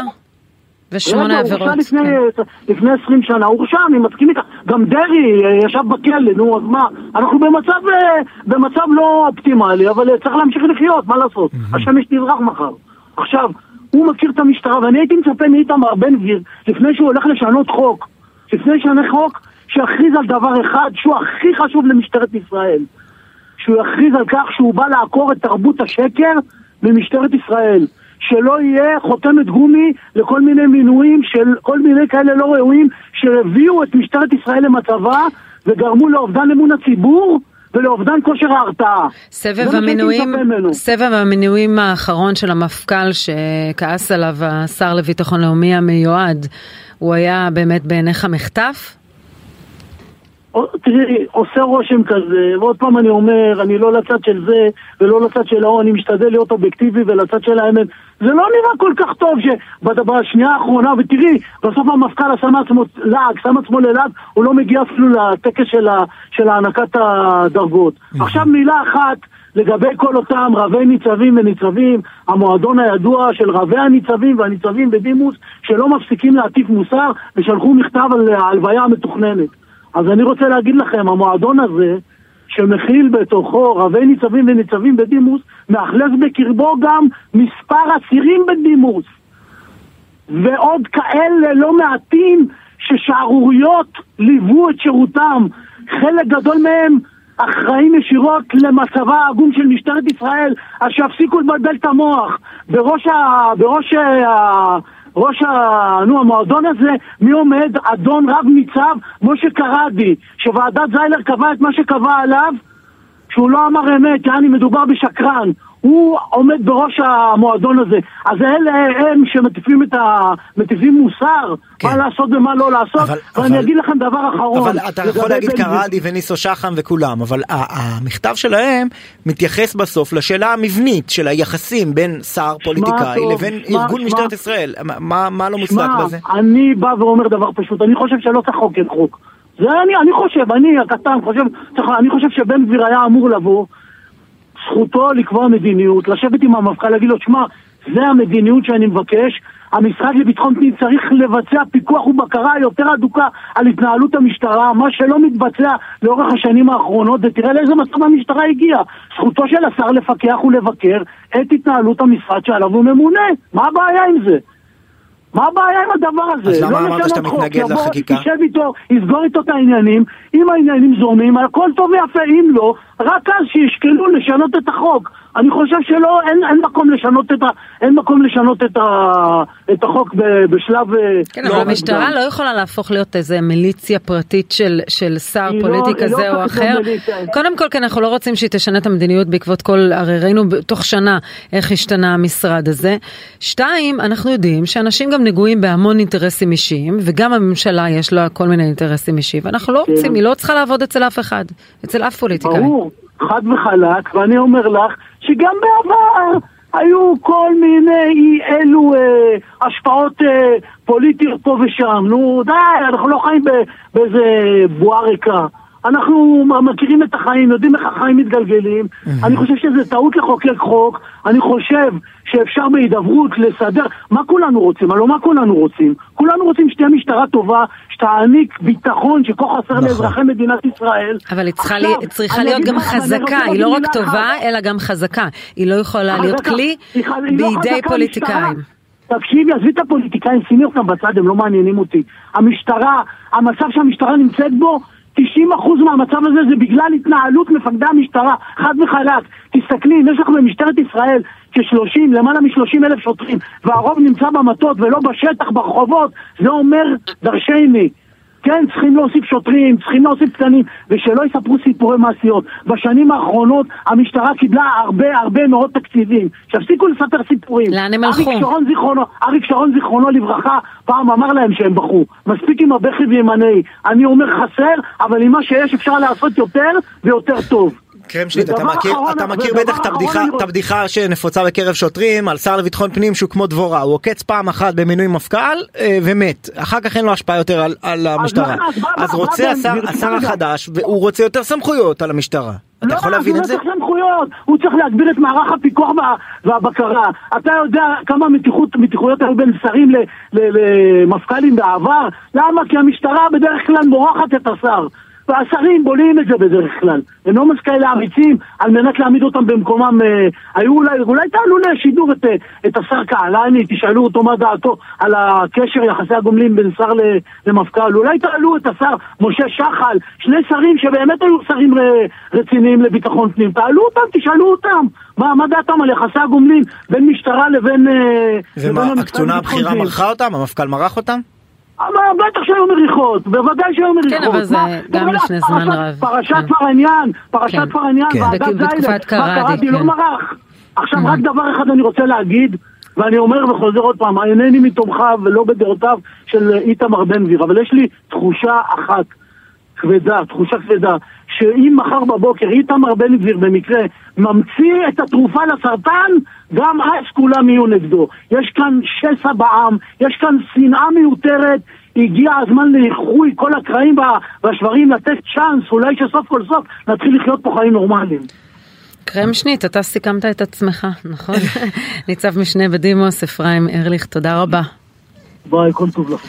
כל טוב. טוב. זה אה, נכון שיש תנועת התנגדות טבעית, כמעט אה, אוטומטית. מה זאת אומרת תנועת התנגדות טבעית? כשמישהו מגיע לשנות דברים, זה ברור, גם אה. ב- בכל מערכת אנחנו לא אוהבים שינויים. תראי, אני, אני... אה, אבל במקרה אבל- הזה זה ברור מה המטרה וזה ברור אה, מה, מה הכיוון הפוליטי ו, וצריך גם לשמור על המערכת העצמאית כפי, ש, כפי שהצבא פועל כך גם המשטרה. אני לא יודע, אני כן רואה אה, דווקא בידיעות מהיום יום שאנחנו בסוגיית המשילות וכל הדבר הזה שכבר הפך לאיזה סוג של קלישאה או לאיזה כן, מילה כן. שמדליקה. אה, יש לנו בעיה אסטרטגית. באמת במדינה אני לא יודע איך פותרים אותה אני לא יודע מה נכון להגביר את השוטרים ברחובות או זה זה כבר אתה יודע, משילות זה לא רק ממני. שוטרים, משילות זה גם אפילו תשלומי מיסים. יש אה, אזורים שלמים בוודאי. בארץ שאף אחד לא מגיע לגבות מהם, נכון. שגביית המיסים נמוכה מאוד, מספקים להם עדיין שירותים. נכון ולתמיד גם אותם אזורים ואותם נכון. ציבורים והנה ידיעה מאתמול בלילה האלמונים תמיד גם השם הזה אלמונים כי אנחנו לא יודעים במי מדובר חפרו תעלות וגנבו כבלים תת קרקעיים שמשמשים את מערכת האיתות מ-100 מטר, בקו כן? הרכבת לבאר שבע כמובן תחנת ל- אה, להבים רהט למי ששאל הערכה שמדובר בגנבי מתכות אה, הם כמעט השביתו את הרכבת אה, לכל השבוע זה קרה בשבת לפנות בוקר לאורך השבת הצליחו לתקן את העניין הזה 150 מטר של כבלים ממתכת אה, ואת יודעת כשאת לא יכולה להניח. מסילת ברזל, מסילת רכבת באזור מסוים, כי גנבים יבואו ויתנכלו לרכבת ויגנבו כל מה שממתכת שנמצא שם, אז יש לך אז פה בסוף בעיה. לא תהיה מסילת רכבת. כן, אם הוא וברור גם שאי. אפשר להציב, יגידו לך המשטרה ובצדק, אי אפשר להציב שוטר על, לא, על כל, אבל צריך על כל מטר של. תחנת רכבת. אז ואי אפשר כנראה- להציב שוטר בכניסה לכל מאפייה בבאר שבע כדי לדאוג שלא ישרפו אותה, ואי אפשר להציג, להציב שוטר אה, בכניסה לכל אה, אה, אה, משק חקלאי בצפון כמו שעושה ארגון השומר כן, החדש, אבל- אבל- ואי אפשר להציב שוטר ב, ב, בכל מטר באיילון שיבדוק שאנשים לא מטיחים אחד בשני קסדות לא בפרצוף. צריך שוטרים רק לכל המשימות, בוודאי לאתר את מי שגנב. אה, אומר אה, בו- בוועידת השלטון המקומי בשבוע שעבר, אומר ראש עיריית עכו לנקרי לראש עיריית כפר קרע, הוא אומר לו תשימו מצלמות בכל מקום. אז הוא אומר מאיפה אני אשים אה, מצלמות? מאיפה יש לי כסף לשים מצלמות? ומי יצפה בהם? וראינו איך ומי ישלוף את ה... הבטיחות כן. הגדולה בלהסתובב בעכו רק בשבוע שעבר ליוו אסיר נכון. מורשע בלינץ' בבן אדם בן אדם שפשוט היכה בעלה בן אדם וקיבל את כל הגיבוי כולל גם מחבר כן, את הכנסת זה אי אחמד אפשר טיבי למנוע אם הם לא ועאידה עברו תומא סלימאן. עבירה, אם הם לא עברו עבירה אי אפשר למנוע את זה, את ה... אה, את אה, אה, מה זה לא עבר עבירה הבן אדם הזה הורשע לעשר שנים. לא, האנשים ש- שעמדו כן. שם עם שלטים, הם לא עברו עבירה. לא עברו עבירה אבל אה, את רואה- את את האווירה הציבורית. לא, אני מבינה את האוויר, הוא הראשון שמדבר על מלחמת אזרחים קרובה. כן, רק אני אומרת, הוא מדבר על דברים שאפילו רשויות מקומיות חלשות לא יכולות להציב, כמו מצלמות, שזה הדבר הכי בסיסי. יש אירוע עכשיו אנחנו בעניין אחר שבן אדם עושה שימוש ב... רק באופציה, אם יש לו רק אופציה למשהו, הוא כבר, למשל אנחנו רואים את זה בפוליטיקה עכשיו. נתניהו כל הזמן שומר על איזה גחלת מאוד מאוד חלשה את האופציה ההיפותטית שפתאום אה, ליברמן או גנץ יצטרפו לממשלה שלו, או איזה ממשלת אחדות, הוא תמיד דואג לפזר רמזים. אני לא חושב שהוא הולך לשם בפועל, אבל עצם זה שהאפשרות הזאת קיימת על המדף, זה כלי שלו לשלוט בשותפים שלו כמו סמוטריץ', כמו מש- דרעי, כמו אתה איתמר בן גביר. משווה את זה לגרעין? חד משמעית כן כי אנחנו יודעים שמדינות לפחות מאז 1945 מדינות מחזיקות ארסנל גרעיני לא בשביל להשתמש בו אלא בשביל הפוטנציאל שלהם לאיים. להשתמש בו הוא, הוא מאיים ומי שעושה את זה היטב בחודשים האחרונים הוא אחד ולדימיר פוטין. ובשבוע שעבר שוב פעם עשה, עשה בזה שימוש. אני לא חושב שהוא באמת מתכוון אבל ננסה להבין האם הוא מתכוון או לא וגם צריך לזכור המלחמה באוקראינה נמשכת. כשאנחנו הפלגנו העולם הפליג לקטאר אה, שם יש עדיין מלחמה ומדברים על ברית הדוקה שרק הולכת ומתהדקת בין רוסיה ואיראן שממסדים ברית הגנה ומייצרים עוד הסכמי העברת נשק. אבל ברקע כמובן אותו רמז או לא רמז של פוטין ארכדי מילמן אה, ראש תוכנית רוסיה במכון למחקרי ביטחון לאומי ה-NSS לשעבר שגריר ישראל במוסקבה בוקר טוב לך. בוקר טוב. כמה שעות פוטין יש לך ברקורד? כמה שעות פוטין יש לך? יש לי, יש לי שעות פוטין, וגם עם בכירים רוסים אחרים. אז כשפוטין אה, מדבר על אולי מכה מקדימה או הרתעה, זה ברור לעולם שהוא מדבר על הגרעין? אה, תראו, קודם כל בואו נעשה סדר, מכיוון שלפעמים הדברים מוצאים מהפרופורציות, וזה מסוכן מאוד, במיוחד כשאנחנו דנים בתחום הגרעיני. קודם כל, כשהתחילה המלחמה, בשבועות הראשונים, פוטין נתן הוראה לשר ההגנה שלו אה, להעלות את רמת הכוננות. אבל המודיעין האמריקאי וגם המודיעין של המדינות המערביות, הם לא מצאו איזה שהן פעולות שהן מעידות על כך שאכן יש איזושהי כוונה להשתמש בנשק גרעיני. קודם כל הוא הייתה כוננות, אבל לא היו פעולות בשטח שמעידות על איזושהי מגמה חדשה ומסוכנת. אבל, אבל האמירות אה, הם צליל אחר. לפני יומיים אומר ולדימיר פוטין, הסיכון להתפרצות מלחמה גרעינית גדל, מה יש להסתיר? ככה הוא שואל. ואתמול הוא אומר, כל מי שיתקוף את רוסיה בנשק גרעיני יימחק מעל פני האדמה. הוא שם את הסוגיה הגרעינית על השולחן אפילו אם אין פעולות בשטח. רגע, רגע, יש uh, רטוריקה בהחלט היא מסוכנת והיא לא טובה. אבל צריך לשים לב באיזה הקשר זה ומדוע, לכן להתייחס בהתאם, כי קל מאוד להיכנס לפאניקה. וקל מאוד כבר להגיד שאנחנו מרימים ידיים ופוטין צודק ולא צריך להמשיך אה, אה, ולהילחם בכיבוש שפוטין כרגע מבצע באוקראינה, כן?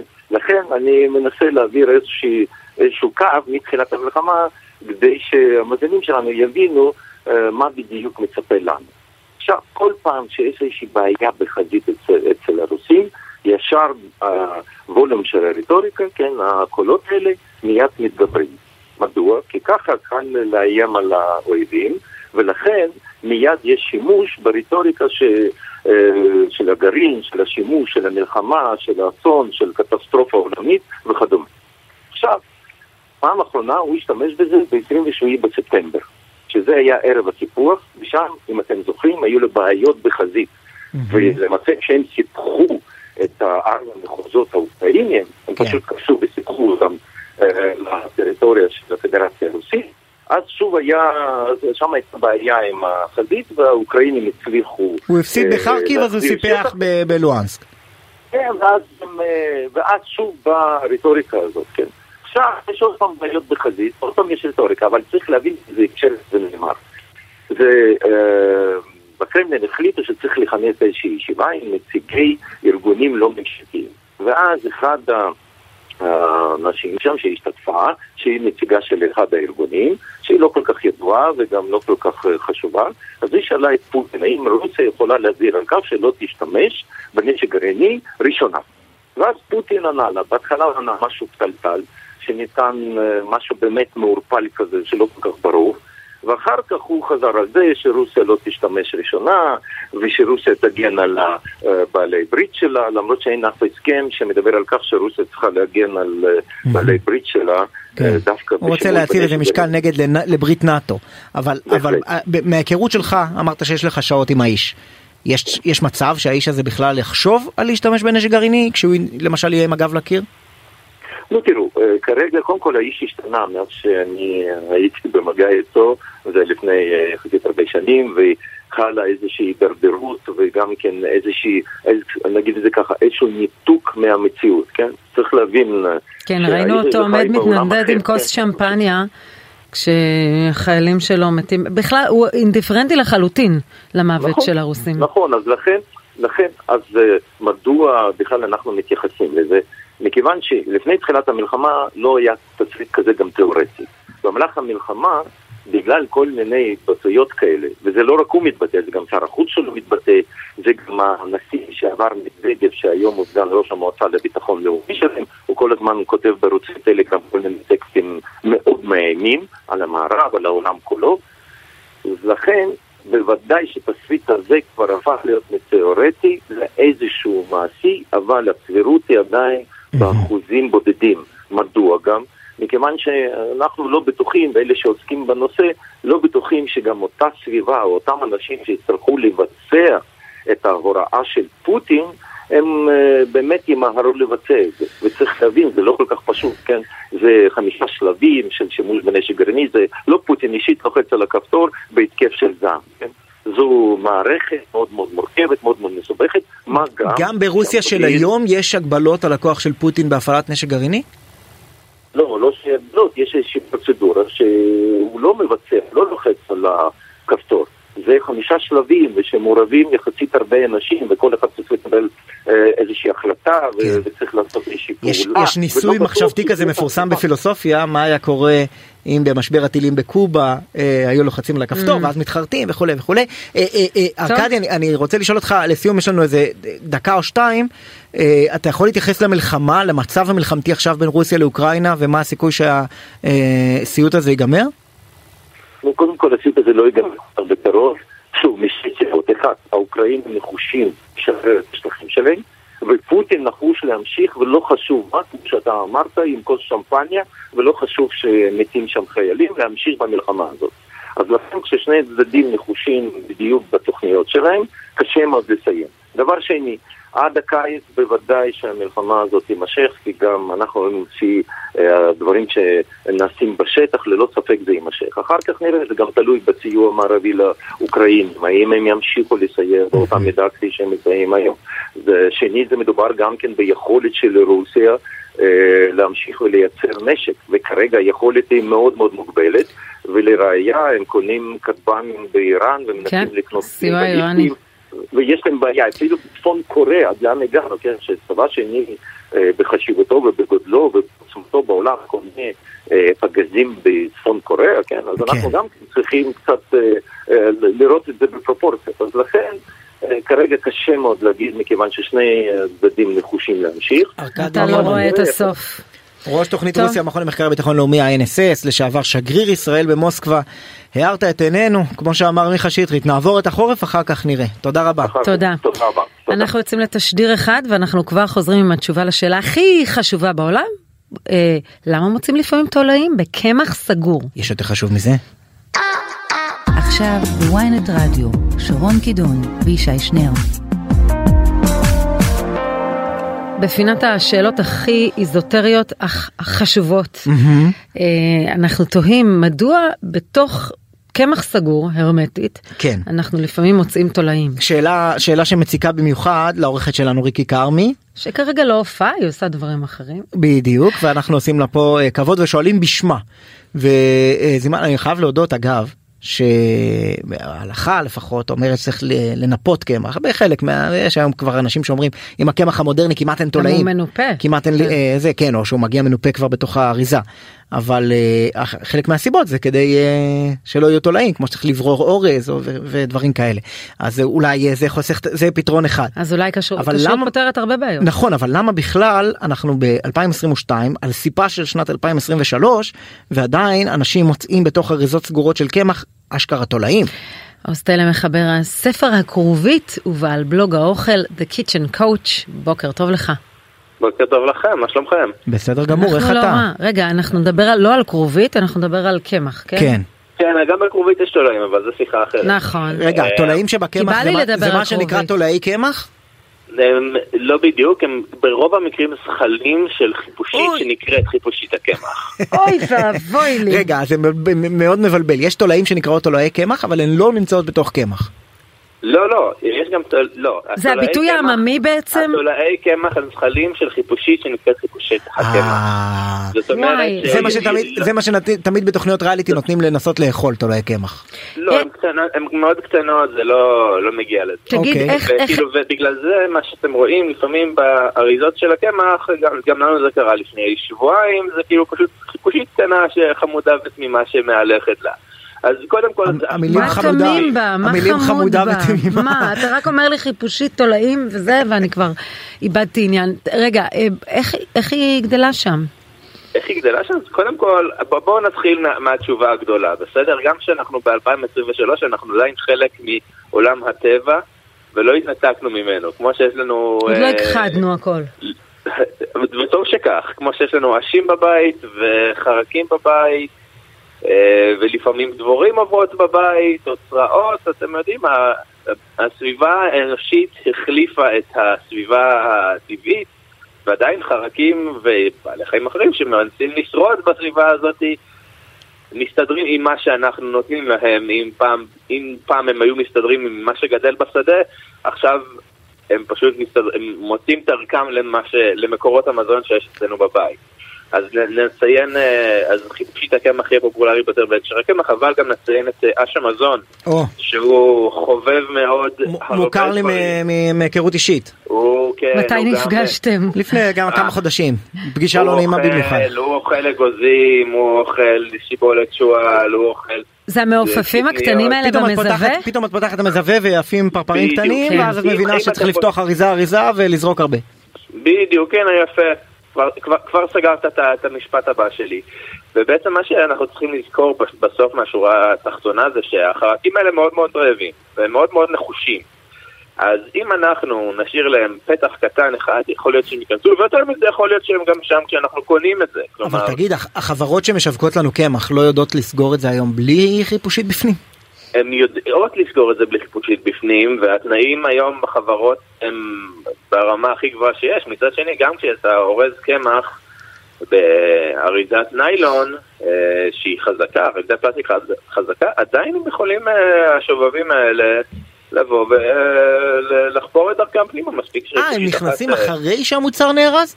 בדיוק, זה כל העניין. מאיפה הם מגיעים? מהחיים. כי, כי, כי הזכרתי קודם את ההלכה. יש היום רבנים שאומרים שבעידן המודרני כבר אין צורך לנפות קמח כמו בעבר.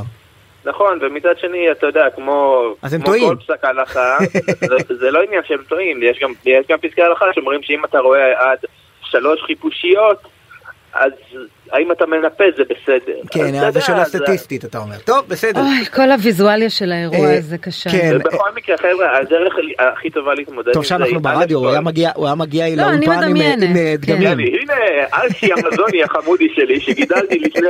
טוב, בקיצור, באותו רגע. לזרוק את האריזה כמובן, בוא לא נדבר לנפות. תכלס, אוקיי? בוא נדבר תכלס. תכלס, אוקיי? בדיוק, מה אתה הדרך הטובה היא לא לשכוח דברים במזווה, לקנות ולהשתמש. כלומר, כן. זה שאנחנו אומרים, טוב, אני אשים את זה במזווה ואני אכין את זה עוד חצי שנה, למרות לא. שבאירוע של אה, עילית עם השוקולד המריר ממש שמחתי שהצפנתי כמה חבילות כי הרי אה, החבילות יצאו משימוש כן. ו- אוקיי, אבל והיו יש לי שוקולד- חבילות. יש שוקולד ויש גנים, קטניות ואגוזים. בוא אוקיי. בואי נפריד ביניהם, אוקיי? לשוקולד זה עדיין אין חיפושית, השוקולד, לא תודה. תודה לאל. אה, מקרה, תלם, אני חיפושית יש גם- השוקולד. יש גם את שיטת המקפיא. נכון, לגמרי. אז בעצם, זה או להשתמש מה, קמח במקפיא? אני, כן, כל אצלנו שמים את הקמח במקפיא? כל מה שיש, כל מה שיש במזווה שלו יכול גם להיות. במקפיא, טוב עושים סדר במזווה השבוע. ואז, ואז הוא באמת בטוח. הסוגיה היחידה היא כמה מקום יש לכם במקפיא, כי כאילו אנשים כן, מעדיפים להקפיא. ובוא נהיה כנים. אנחנו גם כנראה אוכלים פה ושם. אה, נכון, כן. בוא, נגיד הדרך הבטוחה זה כמו שישי שורדים. אמר, למקפיא אפשר גם במקרר אגב, העיקר שזו סביבה סגורה הרמטית. כאילו מזווה. כל הזמן נפתח, וככה יפה, אפשר, אנחנו, אנחנו- זה נחמד, אנחנו נמצא עוד. סוגיות בתחום האוכל. כן. ולא דיברנו על כרובית, בפעם הבאה אתה כרובית זה עושה, גם, אגב, בעיה- בעיה. מאוד קשה. יש לי, יש לי מה מציק לי. אני אתן להם. טוב, אנחנו מתקדמים, תודה. בעל אה, בלוג האוכל The Kitchen Coach עוז תלם, תודה רבה. תודה ישי ושרון. אגב, אם כבר הייתי כל כך אה, דתי באייטם הזה וכל הזמן הזכרתי את ההלכת ההלכה, את מכירה את החרוסת בליל הסדר. כן. למה יש אותה? אז באחד הפוסקים לפני 800 שנה, כן, כותב, אה, מאוד פשוט, יש לנו את המרור, זה חסה אצל האשכנזים, אבל תמיד יש עליו אה, תולעים, אז מטביעים את המרור בחרוסת כדי להרוג את התולעים. זה כתוב מאוד. שחור על גבי לבן. טוב, טוב, אה, אנחנו אני רוצה- פותחים את הבוקר שלנו עם דליק ווליניץ, פינת הבוקר שלנו, בוקר טוב לך דליק. בוקר טוב שרון, מה, מה, מה שלומכם שם? אנחנו בסדר, טוב, מה אתה- שלומך? אתה טיפוס של בוקר זה בטוח, כי אתה קם. חד חידות. חידליק. הלוואי בוקר, אני טיפוס של שחר. כן, אני קם בעוד אה, החושך אה, אופף אותי.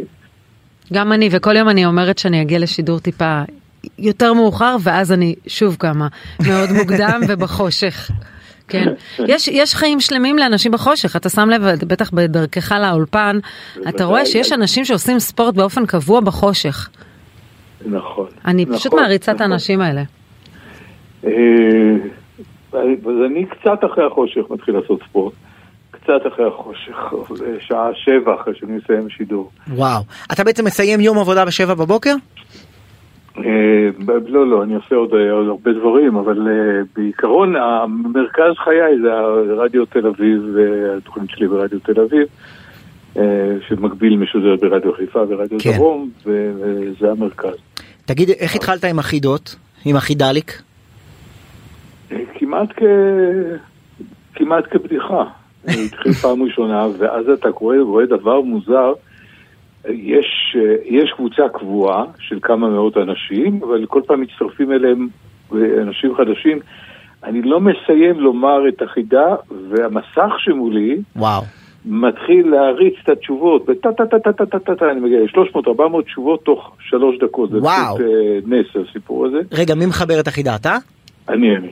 אז תן לנו את החידה של אה, הבוקר. יעל, זוגתי מסייעת לי בלמצוא מילים, כי החידה- בנויה על אה, מילה עם שני חלקים. או.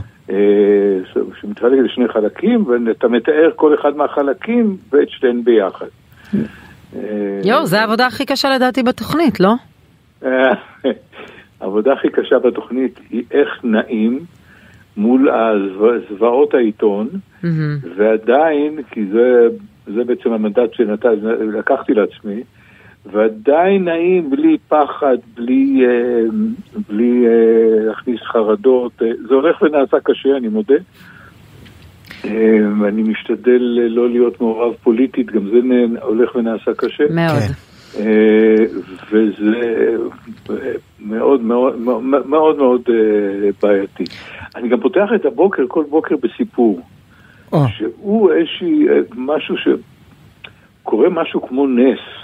נגיד, אתה קורא אה, איזשהו אה, משל של אה, אבן אנדריאביץ' אה, אנדריאביץ' קרילוב, ופתאום הוא מתחבר בול למה שקורה היום. אתה קורא סיפור זן, והוא מתחבר לאחת הידיעות, אז זה משהו שהוא פלאי, שאני לרוב לא מתכנן אותו, הוא פשוט קורה. טוב דליק אני קורא במדור מודעות האבל הבוקר בידיעות אחרונות אה, מודעה בלשון הזו עצובים וכואבים את לכתו של חברנו היקר יצחק קלפטר בסוגריים צ'רצ'יל אוהבים ומתגעגעים להקת כוורת אלון אפרים גידי דן יוני ומאיר עוד איחוד אה, מצער של להקת כוורת בהקשר הזה.